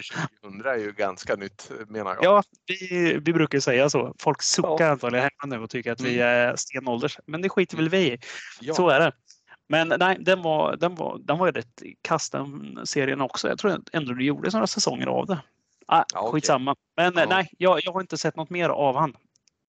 Eh, ska vi göra så då helt enkelt att vi hoppar in i karaktärerna? Karaktärerna. Och centralt för filmens handling är ju det här paret då med John och Mia. Eh, vad har du att säga om John och Mia? För jag tycker vi nästan vi kan slå ihop de här två. Ja, men det kan vi väl göra. Jag- skulle vilja börja med att säga så här att jag, jag kan ta John tycker jag för att han, han eh, känns enklast och eftersom jag är snart tre fjärdedelar in i den här Cotterone vinflarran så, så, så, blir det enklast. Ja. Nej, men du pratade om det senast vi pratade Conjuring och då pratade vi om Ed Warren, om den här alfahannen som eh, inte misslyckas med någonting. John i den här filmen. Han är ju en riktig sån här. Han har ju inte en svag sida. Jobbar som, eh, ja men han är ju en läkare up and coming. Han har ju hela karriären framför sig. Allt går ju som på räls här. Det enda som saknas i livet. Han har ju sin, eh, ja men sin fru är det väl, som är Mia. Och det Mm. enda som saknas är ju ett barn egentligen. De går och vänder. Det är det enda han vill ha egentligen. Det är inga problem med hus. Vill vi ha ett nytt hus, då köper vi det. Är vi inte nöjda i det huset, då köper vi ett nytt. Vi flyttar dit det bär av bara. Liksom, pengar är inget problem för John. Och eh, han gör ju allt för sin älskade, älskade fru. Men så är det. Han är ju som du säger, han är ju läkare och han eh, gör ju sin ST-tjänstgöring. Han ska ju bli någon specialist inom vad vet jag inte om jag uppfattade riktigt. Men han eh, ska bli någon form av specialistläkare där. Mia, hans något, vad ska vi säga, de här är ju utspelar sig ju lite eh, det, det, här är ju samtida som den här Manson-sekten ska vi säga. Och den här Manson-sekten som då härjade via någon sån här helter i Los Angeles och Kalifornien på, eh, när är vi i tiden då ungefär? Är vi 70-tal va? Eller vad är vi på? Ja, ja men något, något sånt va? Eller 60-tal kanske? Ja, eller sent 60, 60, kanske. 60, sent 60-tal är vi kanske. Mm. Eh, så kan det vara. Jag tror till och med att eh, nu gjorde ju, jag vet ju att eh, den här Tate, eh, hon, vad heter han nu då? Polanski. Eh, Polanski, Roman Polanskis fru gick ju åt i en väldigt brutalt uppseendeväckande mord av den här och, och, och jag vet inte, hade han då gjort Rosemary's Baby som är från 1968? Nu får vi plikta lite ja, kanske. Här, ja, men vi, vi kan plikta så mycket som att vi, vi är inte sämre än att vi googlar upp det. Så 1969, Nej, ja. 8, mm. 8 till 10 eh, augusti 1969 så begicks mm. Tate-morden. Mm. Så det är där vi är i tiden ungefär då eh, han, han, gör sin ST-tjänstgöring. Får du någon, någon eh, bild av vad Mia sysselsätter sig med? Hon är ju gravid här i en större del av filmen. Nej, jag tror liksom inte vi har något egentligen på henne alls. Klassisk hemmafru kanske? Ja, och det enda jag skulle kunna tänka mig är att hon jobbar, antingen så jobbar hon som någon så designer av kläder eller någonting för att hon har en otrolig fäbless för att sy vid sin mm. symaskin. Mm. Eh, syr gör hon väldigt mycket. Hon är en så klassisk, eh, vad ska vi säga, känns som att hon eh, i, ett, i en svensk kontext skulle ha röstat på Kristdemokraterna kanske? det här paret då, de, de är lyckligt gifta. Vi får väl lite känslan av att eh, kanske så gror en litet missnöje i Mia över att John eh, ser rätt mycket till sig själv. Han gör allt för sin fru förvisso men han försäger sig vid något tillfälle där och säger att ja, jag kommer få det rätt körigt framöver liksom. fast det är hon som är gravid och eh, förmodligen också kommer ha det lite körigt framöver så, så är det ändå den här, hans karriär, upcoming karriär ligger till grund för rätt mycket av vad han baserar sin världsbild på känns det som i den här filmen i alla fall. Mm. Eh, han köper en docka eh, åt sin älskade Mia. John köper en docka. En docka som jag, eh, vi ska återkomma till den. Eh, men det här är ett, ett samlarobjekt i alla fall. Eh, så hon är mycket glad över att hon får den här dockan. Då. Eh, har du, har, eh, så långt, vad har vi mer för figurer som kan vara värt att lyfta eh, så här långt i den här filmen? Det är ju till att börja med ett ganska trevligt grannpar. Mm. Vi får inte reda på så mycket om det här grannparet alls. Ju, vi vet egentligen bara att det är ett yngre par som, eh, ja, som finns där. Mm. Eh, ja, ett äldre par. Jag tänker på de som är i den uppenbara början av filmen. Ah, förlåt. Mm. Men, men i övrigt då, det, det, är egentligen inte några större karaktärer som, som det kretsar kring. Vi, jag tycker ändå att vi kan stanna också lite vid Fader Perez, prästen. För det här är ju i sann kristdemokratisk anda ett par som liksom de säkert allra flesta eh, familjer i USA på 60-talet och kanske även idag, vad vet jag, besöker söndagsmässan med ganska eh, tät intervall. Och fader Perres han är ju en väldigt trevlig präst som ser till församlingen och ser till eh, det här paret och vill deras bästa. Vad har du att säga om, eh, om fader Peres i övrigt?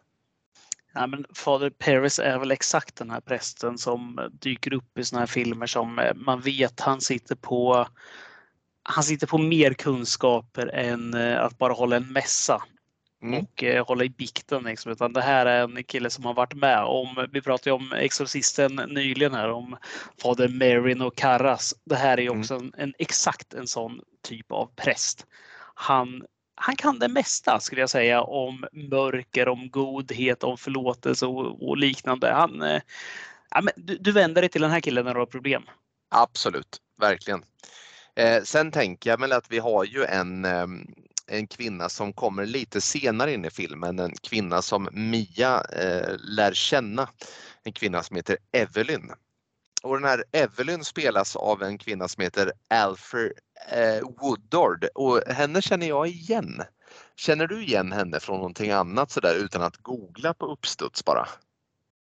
Nej, jag vet inte. Jag kände igen henne från, den här, från Star Trek tror jag, eller om det var, vad fan, det kan ha varit något annat. Så jag bara såg det jättekort där. Jag såg ju filmen idag så jag, jag har svårt att tänka tillbaks där. Nej, mm. nej, Nej, jag är sådär som, jag tittar nu så är hon faktiskt med i Star Trek First Contact från 1996. Men hon är en sån där kvinna som jag tycker att jag ser i, eh, eller har sett i rätt många roller. Och hon driver ju någon form av bokhandel för det är ju så att när de här eh, ondskefulla krafterna börjar komma in i det här parets liv så besöker Mia en bokhandel eh, och fastnar då på en hylla som handlar om eh, okulta ting och Eh, lär då känna den här kvinnan som har ett litet mörkt förflutet. Vi får veta att hon har förlorat sin dotter i en mycket hemsk olycka där hon somnade bakom ratten, alltså där ehm, eh, den här kvinnan då med bokhandeln somnar bakom ratten vilket leder till dotterns död. Mycket hemskt och eh, det gör väl att hon också som någon slags botgöring också gärna vill ja, finnas för Mia och hjälpa henne i denna svåra tid som hon går igenom. Men, men som sagt var, mycket av handlingen handlar kring eller stannar kring just det här paret. Och det är egentligen på gott och ont de vi får följa. Så jag tycker väl nästan att vi för, för att kunna liksom driva det vidare hoppa på hotet direkt. Hotet. För hotet är lite i etapper här kan jag tycka. Det, det, det finns lite olika hot. Nej, jag håller med dig. Jag, vad tänker jag du tänker, där? Ja, men jag, jag, jag, förstår precis vad du är inne på där också. För att, för att vi ska kunna få någon slags röd tråd i vart filmen är på väg och vart vi ska ta så måste vi väl nästan säga det att det, det hotet först gör sig synligt som det är ju egentligen när det här paret John och Mia innan eh, de har ehm, Eh, fått barn så bryter sig, men det är ju eh, Mia som uppmärksammar. De, de, ja, men det är någon som bryter sig in i deras hus. Och det här är ju ett riktigt jävla otäckt eh, par som är inne i det här huset. Och här har vi det vad jag trodde tänkte på grannarna, men det är det ju inte givetvis utan det här är ju det är ju faktiskt ett par ja, man tror ju, hon sitter ju, Mia sitter och tittar på den här på tv-reportagen om nyheterna som visar just den här Manson-kulten som går berserk just då. Så att vi fattar ju liksom att det, det finns galningar ute i världen. Och här har vi då att vi ser att grannarna blir uppsliceade. De, det skvätter blod precis när Mia vinklar ner persiennen så hon initiserar. Men sen är det ju någonting som tar sig in i deras hem och då är det ju det här otäcka paret som kommer. Ja precis, jag tycker jag måste bara stanna där för det är en ganska effektfull scen när hon vaknar eh, som av någonting. Eh, och man får liksom se från hennes ansikte över till grannskapet där de uppenbarligen har vaknat av någonting också. Där de har påhälsning av de här vedervärdiga Manson-kulten där. Jag tycker det är en effektiv start faktiskt. Ja, då vill jag, jag vill tillägga det att det, det är lite så här Hitchcock-aktigt nästan. Du vet så här, att man ser inifrån ett rum så är det infilmat liksom in i grannens hus för de ligger så nära varandra de här mm. fönstren. Mm. Så det, vad kan det vara? Så här, två och en halv meter, tre meter emellan husen. Mm. Att det mm. filmas liksom in i sovrummet och så ser man liksom bara skuggan där i stort sett. Det är väl siluetten liksom som dyker upp med en kniv eh, och så skvätter det blod och hon liksom drar ner persiennen precis när det händer. Så man ser liksom att det stänker till och hör ett, ja, men man, man fattar att det är ett skrik där som hörs också. Det är jävligt Visst. snyggt. Ja, det är riktigt snyggt. Och som sagt var, de här svepande, speciellt den här kvinnan då som då såklart lägger beslag på den här dockan Annabelle. Mm.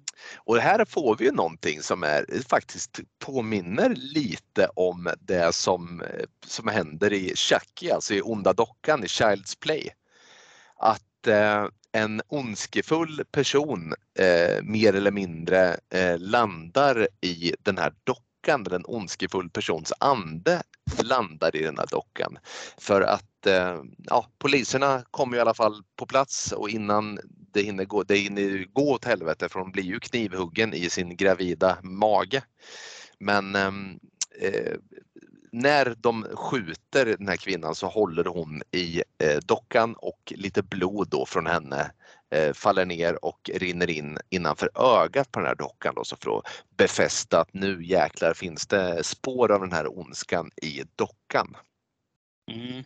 Hon väser ju, eller så viskar ju precis innan där. Hon bara står i, om hon har en sån nattsärk på sig så hör man bara så här, I like your dolls. Det är så jävla obehagligt mm. bara. Mm. Mm. Ja, riktigt effektfull eh, scen faktiskt. Eh, sen, sen, är det ju så att eh, då, då har vi den här kulten, vi har dockan. Eh, men sen är det ju någonting då som börjar manifestera sig eh, genom den här dockan. Så den här dockan blir liksom en portal till en än värre ondska som liksom döljer sig bakom Eh, den, här, den här dockans förvisso jäkligt otäcka fasad. jag skulle vilja börja med att prata om den här designen på den här dockan för att när mannen John köper den från första början så är den ju inte lika sådär, vad ska vi säga, naggad i kanten och förstörd som den kommer bli sen. Men den ser ju fortfarande elak ut. Skulle vilja, skulle vilja ha den där dockan på, på, på, en, på en hylla hemma. Nej, eh, det var kul att du ville lyfta det för att det är exakt det jag ville prata om det också. Men det är ju en sån här docka som är jag vet att min farsa brukar visa mig sen jag var yngre så visade han alltid sina så gamla leksaker som han hade sparat som han tänkte att det här kan bli kul att ha eller sälja eller bara samla objekt. Då var det ofta så mekaniska bilar som är snordyra idag givetvis. Och så var det så här någon gammal docka och de har ju det här, det är ju de här porslinsansiktena som inte görs mm. längre på dockor för att det är ju säkert livsfarligt för barn så de kan ju gå sönder och så vidare. Men det är något med de porslinsansiktena som är otroligt otäckt för de får den här glansartade döda blicken som är jävligt, jävligt creepy. Mm. Och sen är det ganska tydligt också att det är inte helt lätt att få till ett par vänliga ögon uppenbarligen. För att det är inte bara den här dockan, man har sett en del sådana här dockor. Jag tycker de allra flesta har ett utseende liksom som, som inte är alltigenom tilltalande. Så, och här är verkligen, Annabelle är inget undantag. Hon ser för jävlig ut faktiskt. Ja, jag vet att eh. nu, nu är inte James Wan eh, i eh, regissörstolen för den här filmen. Han är väl inblandad som någon producent eller liknande här. Men han gjorde en film som hette eh, Dead Silence innan. Har du sett mm. den? Absolut. Och där har vi också en sån här docka i, precis i början. Den eh, mm. spelar inte lika stor roll som den här men den är också exakt samma typ av docka. Mm. Och det, det, är någonting för det, den har ju liksom Dockor idag har ju ganska många rörliga delar. Alltså man har liksom kanske till och med mun och till och med ögon, näsa som kanske kan röra sig eller är mjuka. Liksom. De här har ju mm. ingenting förutom ögon som är Ja, det är ögonen som kan röra sig på de här. Mm. Det, det, är ja, effektfullt. Verkligen. Eh, ah, men det här är ju, det är ju någon form av satanistisk eh, kult det här. Jag vet inte vad jag kallar som för. Vädurens eh, någonting. Ja. Eh, och, och den här demonen eh, det är, det är ju helt enkelt en demon som dwells within och som ställer till det något överjävligt här för i synnerhet Mia. John märker ju inte så mycket av kanske det som händer förutom att han kommer till en kvinna som är i upplösningstillstånd. Eh, men mest är det ju för Mia som, som den här spökar och eh, ute efter hennes själ då. Ehm, ja, vad, vad, vad, vad, tycker du? Är det, en, eh, är, det en, eh, är det en läskig film den här? Kan vi enas om det? Ja, det där Alltså vad som är läskigt och läskigt är ju så här, det är ju alltid en, en jävla avvägningsfråga. Men den har, jag skulle säga så här, den har inte den klassiska uppbyggnadsläskigheten som kanske många andra filmer har. Så om man jämför med The Others som är ett typexempel på långsam skräck där det inte händer särskilt mycket.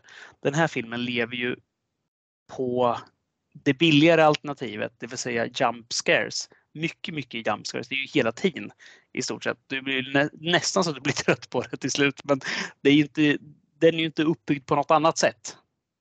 Nej, eh, verkligen. Och jump scares är ju eh, eh en, eh, ett grepp som får ett dåligt rykte.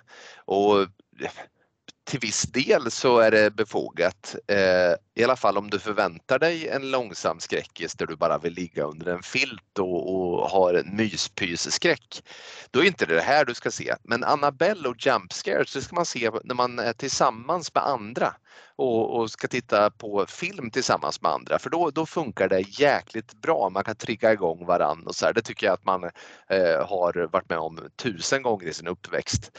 Eh, så att eh, på det sättet så är det ju en popcornskräckis och jag måste säga att de, de allra flesta filmerna i den här Conjuring-verse så här långt eh, ha, har ju sin beskärda del av jumpscare. Så, men men jag, jag gillar det. Jag tycker det funkar bra. Eh, och jag tycker att Eh, det kommer vi tillbaka till, att, att eh, på något sätt så så är det ganska effektfullt att man ändå låter handlingen kretsa rätt mycket kring det här paret. Eh, och, och, mm, ja, på något sätt så vill man ju trots allt att när den här lilla bebisen kommer ut, den som får namnet Lia, så vill man ju gärna att det, det ska gå bra för dem ändå såklart. Ja, men det vill man verkligen. Men vi har ju också den här om vi ändå pratar hotet så pratar vi ju dels dockan givetvis. Det som är rätt skönt här med just dockan tycker jag är att istället om vi jämför med till exempel Child's Play, alltså i filmerna, där är ju att dockan blir, den får ju liv och liksom börjar röra sig. Och till viss del, ja fine, den här dockan rör sig, alltså den flyttar på sig, den finns på olika ställen och så vidare. Men fokuset ligger aldrig på dockan, att den är gör otäcka saker. Alltså den, det de har gjort jävligt bra här är ju att dockan ändrar utseende väldigt lite. Ibland har den lite blodstänk på sig, ibland har den ett annat typ av ansiktsuttryck. Alltså det, men det är väldigt min, minimalt ändring. Det, den byter plats. Liksom. Ibland är den sittandes, ibland är den ståendes, ibland gungar den i en gungstol. Men den rör sig inte särskilt mycket utan den har bara liksom Förstår vad jag menar? Den har bara liksom ja, ja. bytt position. Och det tycker jag är rätt effektivt. För det hade varit mycket värre om den här började gå och började prata och liksom sprang med en kniv i handen. Det hade varit tråkigt tycker jag.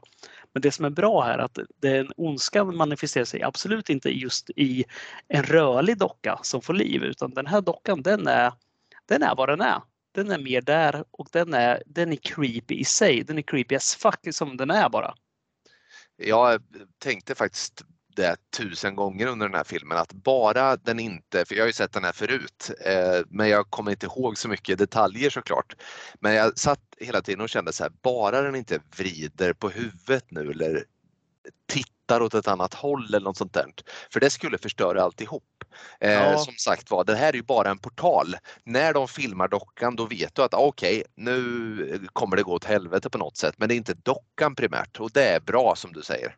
Ja, vi har någon gång den liksom ställer sig upp liksom och sen eh, leviterar. Men det, då är man också insett, då är man inne i att hon kanske, mamman här, Mia, eh, att hon antingen hallucinerar eller drömmer eller ja. Hon... Mm, för då står det också en, en demon bakom som håller ja. i dockan.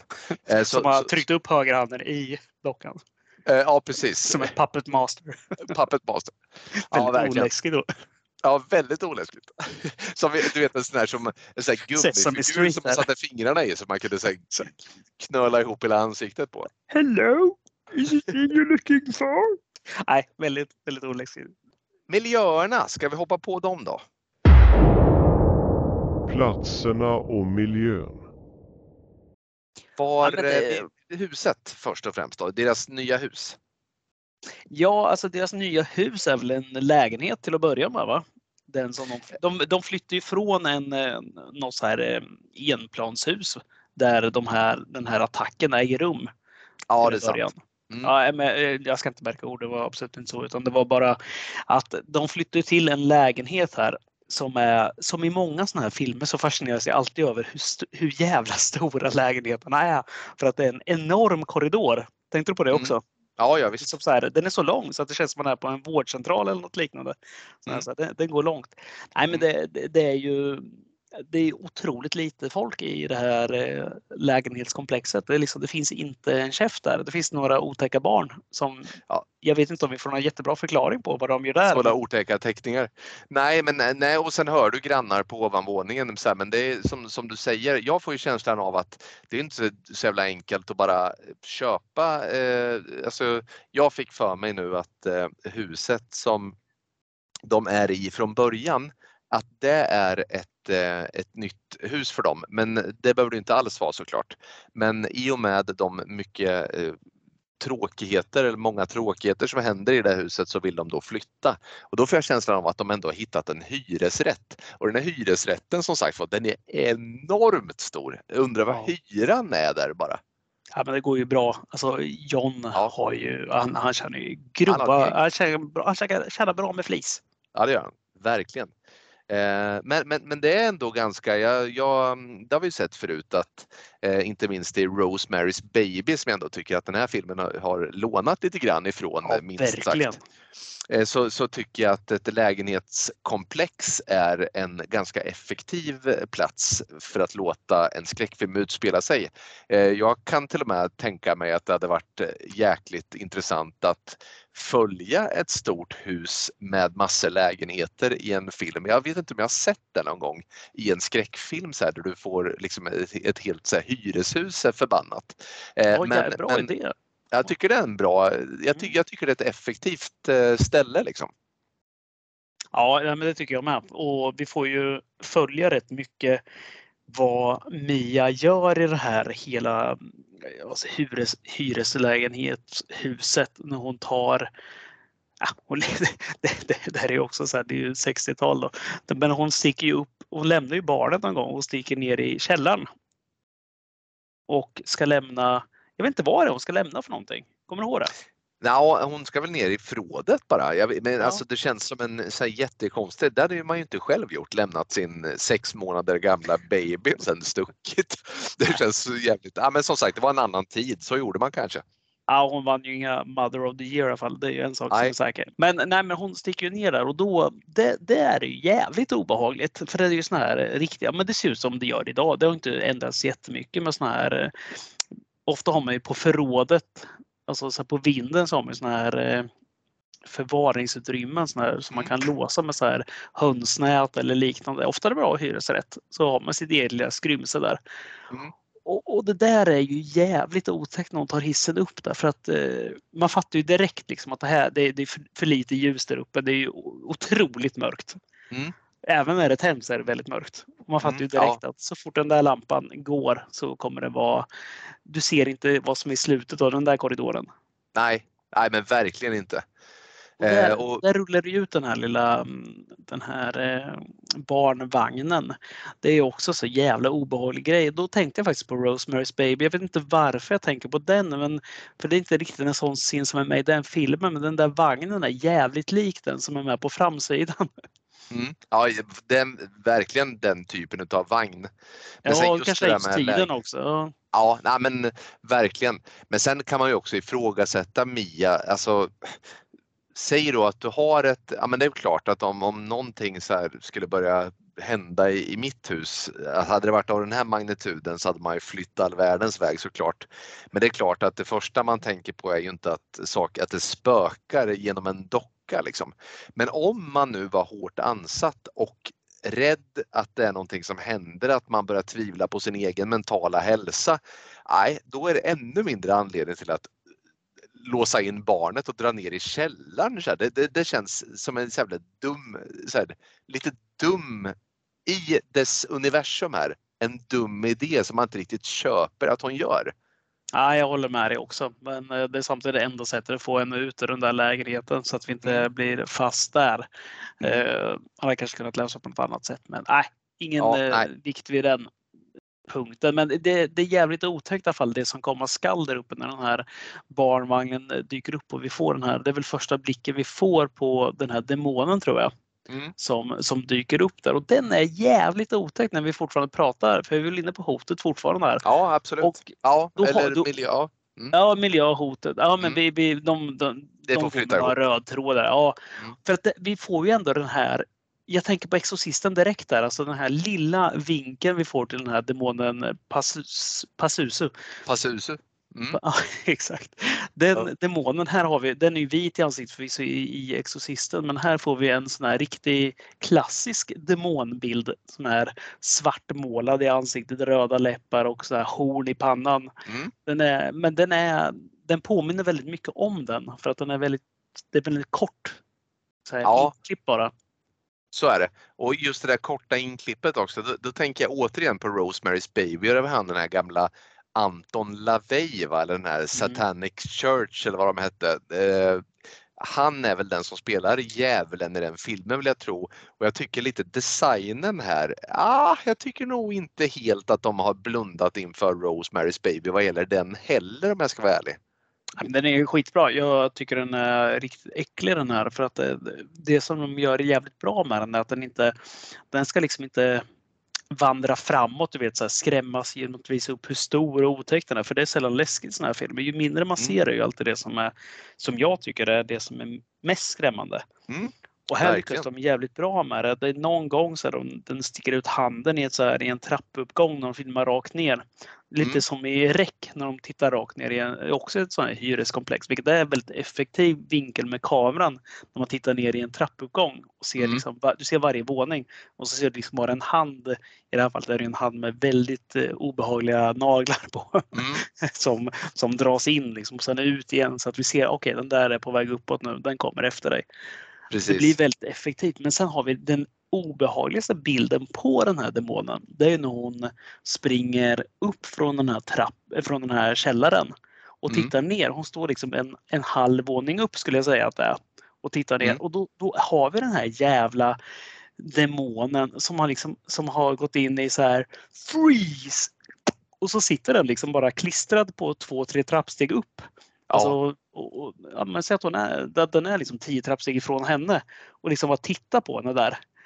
Och, det är jävligt obehagligt. Det är filmat på ett jäkligt bra sätt som Mm. gör att det blir sjukt obehagligt för den är liksom så här, den iakttar henne men rör henne inte. Den kan attackera men den gör inte det och det blir, Nej. det blir obehagligt. Ja, det är väldigt obehagligt. Ja, precis för att annars när väl attacken sker, det då, blir man ju så här. Nu kan jag slappna av när den pågår, men det är allt som sker innan eventuella attacker som är obehagligt. Så den är ju helt obehaglig den scenen. Ja, det är liksom den här, precis som i alla hajfilmer, du vet, när de bara cirklar runt dig. Liksom. Det, är- Mm. det, det är det som är det jävliga. Liksom. Så Mm. att, som, som när lejon bara, ja, men de luktar liksom och vet så här, ja, men vi väntar in nu, snart, snart hugger vi när du minst anar det. Och det är alltid Ja. det där som är det vidriga. Minnesvärda scener. Ja, nej men har du några, har du några såna här eh, scener som du tycker sticker ut på bra eller dåliga sätt? Alltså det, den är ju fullproppad med jump scares den här och det, det är på gott och ont tycker jag verkligen för att jag, jag, jag blir lite mätt på dem till slut. Men det, det tar ett tag. Man, är, och nu, nu säger man det här som en ganska luttrad kondisör av skräckfilm och just den här typen av det. Men det finns faktiskt ganska många bra. Jag tyckte att den här, när Mia börjar få spöken i hjärnan, alltså när hon börjar ifrågasätta sin egen eh, tankeverksamhet. Liksom att nu, nu vet jag inte vad som händer riktigt. Hon har ju fått barn och har sitt barn i, i ett rum.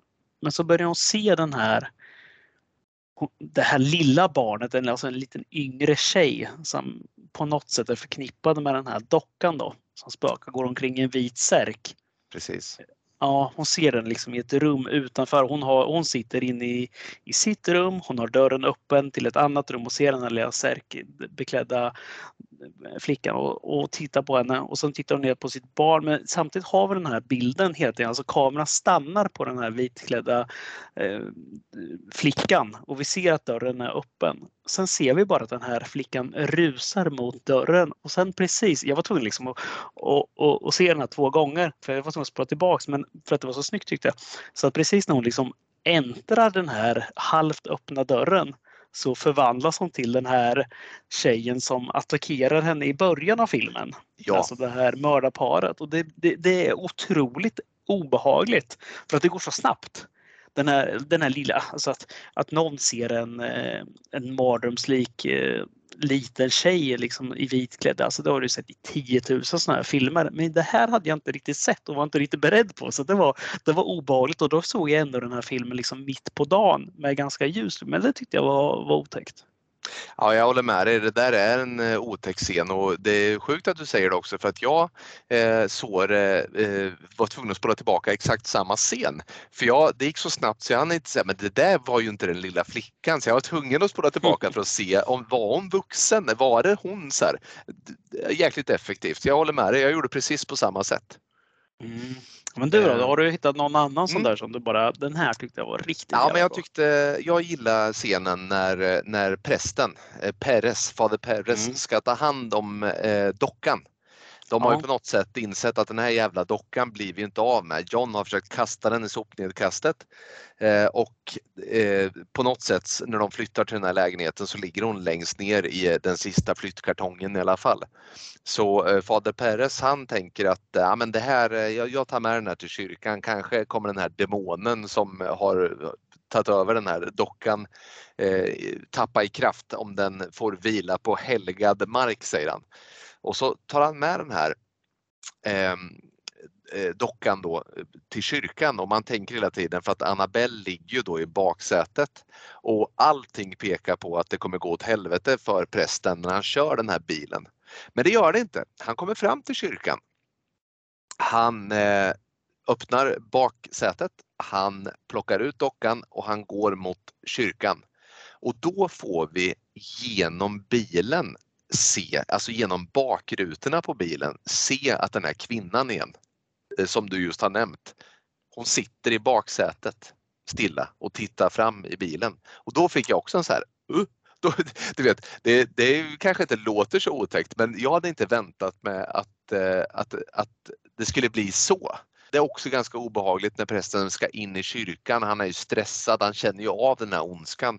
När han tittar bakåt då står hon längre bort den här kvinnan i särken och tittar på honom. Också en mycket effektiv scen. Sen, sen spårar den ur lite grann och den blir lite over the top. Men fram tills att den spårar ur så tycker jag den är på perfekt nivå där. Mm. Jag tycker de gör rätt bra det här med de, alltså jag, jag är inget jättefan av jump scares eh, och det är inte för att jag tycker det är billigt så för jag tycker det liksom de fyller sin funktion också. Att jag tycker om den här blandningen men jag tycker ofta det blir lite för mycket av det. Men det jag tycker den här gör det bra det är att de lägger sina jump scares där jag inte riktigt förväntar mig att de ska komma. Jag tycker annars att det, det brukar vara ganska givet att nu kommer det. Men det är precis som den här scenen du beskrev där, den här tjejen sitter i baksätet. Den är, jag var inte beredd på den heller faktiskt. Att Nej, den skulle nej. komma där. Utan jag tänkte, den kommer mycket innan. Så här, för han sitter och tittar. Man är ju helt hundra på att han ska köra ihjäl sig den här prästen. Att det Ja, ska ja, komma visst. en långtradare och köra ihjäl honom istället. För de har ju Visst. hintat om eh, bilolyckor i hela filmen. Så Mm. att det, det där gör de bra och det är något filmer borde ta efter faktiskt. Att, eh, att sälja in det som att nu kommer men det gör inte det. Och, och det gör filmen, men de gör det på fel sätt. Du kan alltid räkna ut att ja, men nu kommer inget, men nu är det lugnt igen och nu kommer det istället. Ja, Så ja men ofta. verkligen. Absolut. Och då, Men- då är det faktiskt bättre att de, inte lägger en, en jumpscare där man tänker att nu kommer den och sen så väntar man ytterligare en gång. Alltså det blir så här, till slut kan man göra det till absurdum och då blir det ju bara dumt. Men Mm. här, här fyller den bra, det funkar. Ja men verkligen. Någonting som du reagerar på som du tycker är eh, mycket dåligt? Nej, alltså ja, jag tycker så här. Jag tycker att den här filmen är ganska, den är väldigt rak den här filmen också. Och med rak behöver inte alltid betyda att det är dåligt. Det är absolut inte så, men jag tycker liksom inte den tar någon vändning på det sättet jag skulle vilja att den gör. Vi har den här den här damen som eh, nu eh, börjar hjälpa det här paret, både John och Mia, hon Evelyn då, som har en dotter som har, som har omkommit i en bilolycka tidigare. Det var hon Mm. du pratade om tidigare. Mm. Jag tycker, för hon kommer ju att knacka på dörren här till Mia när, hon, när Mia är ensam och vi har eh, Fader Paris vet vi inte riktigt vad vi har. John och jobbar natt som han uppenbarligen alltid gör. Mm. Jag fick känslan då när hon kommer och knackar på att nu den här Evelyn, det är hon som är, här hade det varit jävligt kul om hon, eller kul, men det hade varit en bra twist, att hon har ju förlorat sin dotter i barndomsåren för säg 10-15 år sedan. Jag har ingen aning hur länge sedan det är, men något sånt. Det hade varit en kul grej där att det var hon som var på jakt efter att få ett nytt barn. Förstår du vad jag menar? Att det var Ja, hon visst. som ville liksom återta att den här dockan skulle in och ge hennes barns själ in i den. Alltså hon ska få tillbaka sitt barn. Det, Ja, det, kändes, det kändes exakt som att det var dit det var på väg när hon tar sig Mm. in här. Bara, för att det första som händer är att när hon kommer dit så ringer ju telefon och det brusar. John hör ingenting för han ska ju ringa och varna. Och så säger den här Evelyn så här, men jag går och tar hand om Lea, alltså barnet. Hon, hon säger det så snabbt.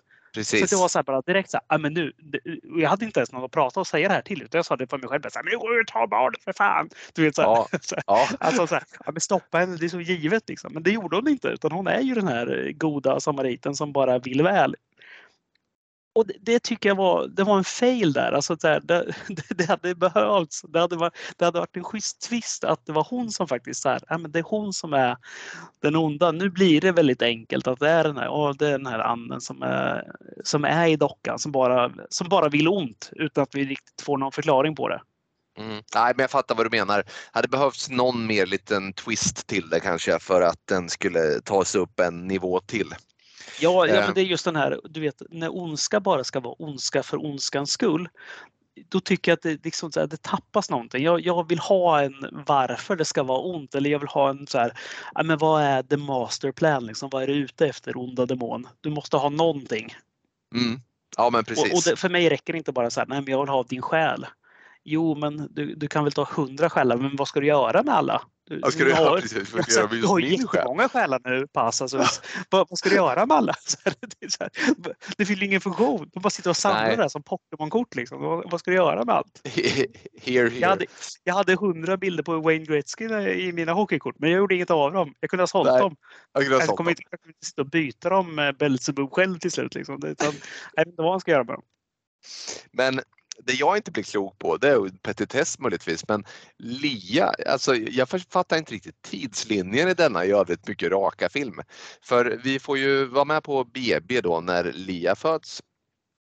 Eh, sen så flyttar de in i hyresrätten och eh, Lia är minst ett halvår då, storleksmässigt. Eh, sen mot slutet, när de ska prata med fader Perres, då har det gått sex månader igen. Lea ska då vara ett år, men hon är inte ett dugg större än vad hon var när hon flyttade in i lägenheten. Så att på något sätt så ha- haltar eh, tidslinjen tycker jag och det blir lite oklart eh, hur långt det är mellan saker och ting och det störde mig lite grann i den här filmen. För det, då kändes den mindre tight om du förstår vad jag menar. Vi hade ju behövt en betydligt äldre Lia där. Återigen så kanske vi skulle åberopa de här CGI-effekterna från Irishman där. Alltså vi kanske skulle ha en lite åldrad De Niro där som spelar Lia. Så- så- så bara så här det lite blir att äldre. spela Lia. Vilken 40 jävla gammal istället. Men ändå för man ska spela sex månader. Ja, alltså i, i ansiktet ser han ut att vara sex månader men eh, kroppen är 75.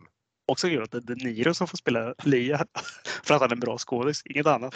Nej, Nej, Nej, nej, det är svagt. Det, det, det, det, det är sån enkel grej. Så fan släng in en jävla bebis på, på, på halvåret istället. Ja, eller på, på något sätt gör den logisk i sin tid på något sätt. Men du, eh, ge mig en liten sammanfattning och ett betyg tack. Ja, nej, men jag, jag tyckte jag sa det mesta där. Jag, jag, ja, men jag, jag gillar ju själva grejen. Alltså jag, jag är svag för så här besatta dockor och det har, varit, det har man varit sedan man var liten och såg Onda dockan och, och Charles Lee Ray som är ett fantastiskt namn för övrigt på, på en mördare. Men det, det har inte med den här filmen att göra. Men eh, man gillar den där delen, alltså när- prylar blir besatta, om det så är gosedjur eller om det är dockor eller om det är något annat föremål så, så är man lite svag för det där. Och den vinner så jävla mycket på det jag sa innan här att den inte att den inte rör på sig. Liksom. Att den, den här prylen är den som blir otäck. Utan det är lite knarrande dörrar, lite flygande böcker, lite annat. Eh, även om det är just i, eh, JumpScare-form som, eh, som det visar sig. Men filmen har också en speltid och det här tycker jag är tråkigt. Jag tycker inte filmer, såna här filmer görs riktigt rättvisa när de har en och en halv timme speltid för att det blir lite för mycket pang på rödbetan här att det ska gå så snabbt. Och, och, det blir lite som du säger med barnet också här, liksom så här, det blir lite slarvigt tycker jag med att vissa detaljer blir lidande. Och, och det kanske bara är att man själv är så här, man har sett annat liksom, men jag tycker liksom att nej men vad fan, släng in ett barn som är äldre. Låt eh, det här ta lite tid. Låt oss få en lite större inblick i det här. Ge den här Evelyn lite mer utrymme nu då som har förlorat sitt barn. Nej, men hon ska bara vara där för att offra sig och vara den här goda samariten. Ja, men hon är en klassisk, klassisk hon kommer offra sig själv utan att spoila någonting men liksom det, det blir lite för givet utan att få någon bakgrund på henne. Ja, och det tycker jag är tråkigt. Men eh, som film, ja, det, alltså, det funkar ju. Liksom, skulle jag sitta och se den här på bio och ha några bärs innanför västen, liksom ha en popcorn i, i famnen, så ja, alltså 3 av 5. Jag, jag, tycker inte det är mer, jag tycker inte det är mindre, men det är också en sån film, så här, jag, jag, kommer inte komma ihåg den på något sätt. Jag, jag, har, sett, jag har sett det förut, det har jag. Mm. Eh, Annabelle alltså, den här filmen, för det första så tycker jag det är värt att sätta in det i en kontext att den har 5,4 av 10 på IMDB. Eh, Absolut, det, det måste och, jag också säga. Och, och, och, och, det är ju faktiskt obegripligt lågt för att det här är ju ändå en välgjord film. Alltså den är välspelad, Eh, den är snygg. Eh, effekterna är inte dumma när de väl är på plats. Det finns riktigt nagelbitar-scener som, som är betydligt bättre än många andra i sitt skrå. Sen är det som du säger, det är mycket jump scares och så vidare, men jag faller nog tillbaka på ändå att se just den här filmen som en popcornskräckis att se i eh, Glada vänners lag tillsammans. Liksom, det här är ju ingenting som jag faller tillbaka på ibland. Så här, ibland måste du se något som är riktigt jäkla bra också, på riktigt bra. Eh, och en sån plats, sådana skor skulle aldrig Annabelle från 2014 kunna fylla. Men om man jämför den här filmen med all annan skräck, alltså du vet den, den här all annan skräck där ute som har runt 5 av 10 på IMDB så så är det faktiskt obegripligt att den har så lågt betyg. För, för, för den är välgjord. Och jag, jag, jag säger väl i stora stycken som du också att det här är inget mästerverk på något sätt. Det är ett rejält steg ner ifrån första Conjuring-filmen alltså som jag tycker är ett, ett mästerverk i genren. Eh, som har eh, kanske en mer så att säga som har lite mer eh, grundhistoria, lite mer långsam start, har sina jump scares för all del, men känns mer genomarbetad. Eh, men för att vara en dussinskräckis så tycker jag ändå att den sticker ut på rätt sida. Och om vi nu ändå ska jämföra med IMDB så, så skulle jag säga att eh, 7 av 10 lätt kan jag ge till Annabelle. Inte mer än så, men ej heller mindre faktiskt. Mm. Men vet du, jag, tror, jag tror att den här filmen, nu fattar jag att det här är en, liksom, det är en spin-off rakt av på Conjuring-filmen. Men jag tror att sådana här filmer hade gjort sig mycket bättre för, för det finns liksom en story, en grundstory som är bra och ett riktigt fall och då, som man kan luta sig tillbaka på.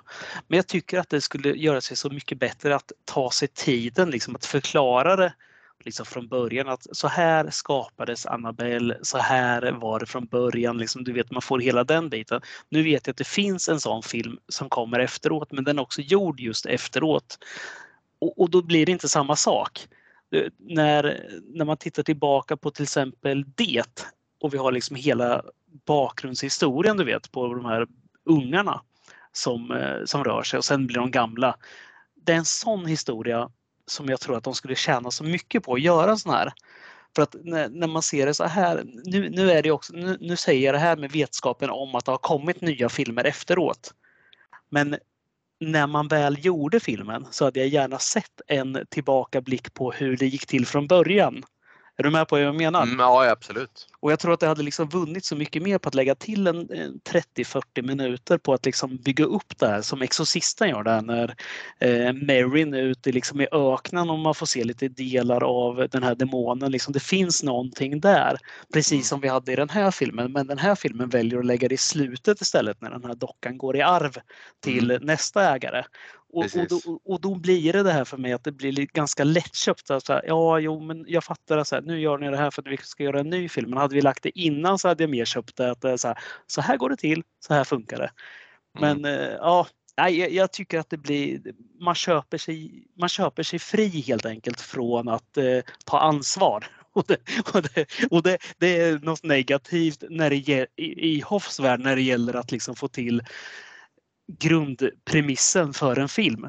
Men mm. det kanske inte behövs heller. Alltså det, det, det är som sagt en spin-off. Det, det kommer aldrig vara en eh, ett mästerverk heller. Så är det ju. Liksom det, det, det, hade ju varit sjukt om den här filmen var uppe och så här, om den har 9,2 på IMDB. Det hade ju ingen någonsin liksom. Nej, det, nej men så är, det ju, så är det ju.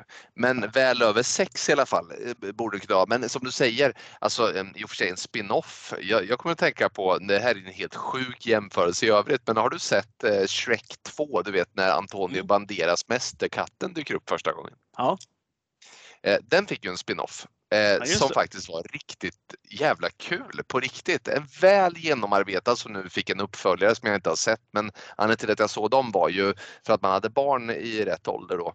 Eh, men, men alltså med tillräckligt mycket kärlek så kan en spin-off vara bra men det här är, jag håller med dig, det här är ju en klassisk spin-off för att man hafsar igenom det lite väl mycket kanske.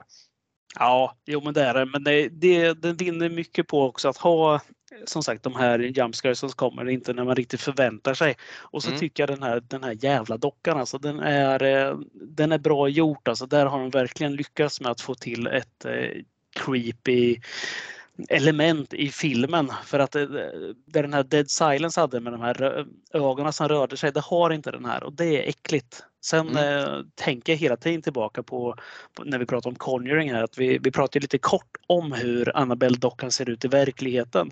Eftersom mm. den faktiskt finns, det måste vi nästan tillägga i avsnittet också, att det är ju en mm. riktig docka som mm. faktiskt har eh, en story eh, bakom sig att vara mm. rätt obehaglig även om den kanske inte har lett till sådana här mord och sådana saker. Men den, den dockan i verkligheten är ju betydligt snällare samtidigt som att den, hur den ser ut i verkligheten kanske också är nästan ännu äckligare på grund av hur normal den ser ut. För den här dockan ser ju obehaglig ut. Alltså den har ju ett obehagligt utseende. Det här ruggade, lite spruckna porslinet, alltså naggade i kanten. Den ser ju äcklig ut. Den här andra är ju en sån här ragdoll sån här som du, ja men du vet så här som barn har slitit och slängt i. Bra ja, Visst. Vittnar också om en lång historia, vilket kan vara skrämmande i sig. Den andra dockan, alltså den verkliga Annabelle. Alltså det ser ut som att den har hunnit med några generationer liksom. Ja, exakt. Och den här dockan den blir ju mer så här, den här känns inte som ett barnting. Om du förstår vad jag menar. Så här, det, det, inte, det, här är inte en docka barn har lekt med. Det här känns som någon så här som eh, tant har suttit och lekt med istället. Så, så, alltså det, känns som, så här, det känns som ett riktigt samlarobjekt som någon så här äldre kärring har suttit med. Liksom, bara så här, mm. det, här är inte, det här är inte något för barn. Nej, nej men helt enig. Ja, den är verkligen eh. gjord för att skrämma skiten ur istället. Ja, men och den, alltså, i sin design så lyckas den faktiskt bra med de bitarna. Det är inget som du, som du rekommenderar en alltför ung tittare för den är ju bitvis rätt, eh, alltså, alltså det, det, det är en klassisk eh, popcornskräckis som kommer få dig att sitta liksom tre meter upp i luften ibland för att sen landa ganska mjukt ändå. Eh, så är det. Ja, ja men verkligen. Men du, jag måste bara lyfta en grej till. Det kommer på nu mm. så här, bara från ingenstans som är väldigt obehaglig som jag tycker är, som jag faktiskt tyckte var skitobehaglig i filmen. Och det är inte ofta. Jag, jag blir aldrig stressad brukar jag skryta med. Jag blir inte det. Jag blir stressad av människor som blir stressade. Det är det ja. Stressar upp mig. Ja. Eh, annars, annars sitter jag helt lugn. Men i den här filmen så finns det en scen när en påse, en sån gammal påse popcorn, du vet så här, som man sätter det, det ser ut som en eh, eh stekpanna som bara har ett mm. litet lock på sig som man ställer mm. på en, en platta. En sån ställs på en platta och går igång samtidigt som Mia sitter och syr. Ja. Kommer du ihåg den scenen? Ja, det är mycket på en gång där. Ja, ja, ja, jo det är det. Är en tv som är igång samtidigt. Mm. Barn som skriker lite Ja, smått här i och en bakgrunden. symaskin som låter och en spis som smattrar. Ja, men om vi fokuserar bara på den här eh, symaskinen och den här popcornpåsen som håller på att puttra där. Så är just den här inzoomningen på symaskinen och den här fing- pekfingret som går du vet mot den här nålen som går upp och ner. Mm. Alltså det är en sån elektrisk symaskin. Den är naggandet vidrig för att den är stressar mig något kopiöst. Jag vet Ja. exakt vad som kommer hända jag, jag har dragit en nål genom mitt eget finger en gång och jag vet hur jävla ont det där gör. Men jag ser det framför mig. Jag vet ju vad som kommer hända och det, det, det är vidrigt. Ja, håller med dig. Det är en bra scen och hon hör ju inte den där förbannade spisen och popcornen heller för att den där symaskinen låter så mycket. Ja, den där symaskinen alltså. Den är med Mm. mycket i filmen. Den är med mycket. Jaha, ja men du, det var Annabelle från 2014 då. Det var ju trevligt. Och nu är det så att vi har en film till nästa vecka som inte är Conjuring, eh, men som är en liten avstickare. Och den har du valt. Du, för en gångs skull. Ja men verkligen, eller inte för en gångs skull. Du har gjort det med den äran. Men jag, jag, jag kör lite så här gammal klassisk eh, slasher där. Så jag tänkte att vi skulle se den här Sleepaway Camp från 1983. Vilken är en mycket klassisk eh, slasherfilm som, som jag faktiskt inte har sett. Men som jag har på Blu-ray. Så att eh, det blir väl en bra, eh, ett bra sammanträffande tänker jag. Det blir jävla trevligt alltså. Kul, kul! Mm. Men eh, veckan därefter så går vi vidare och då är det eh, Conjuring 2. Så att det blir bra. Är vi hundra på att det är Conjuring 2? Eh, inte helt, men eh, vi får väl revidera igen då. Precis som jag reviderade faktum att jag glömde plats nummer 13 på min topp 20. Det grämer mig fortfarande, men det, det, det går att göra något roligt med misstänker jag.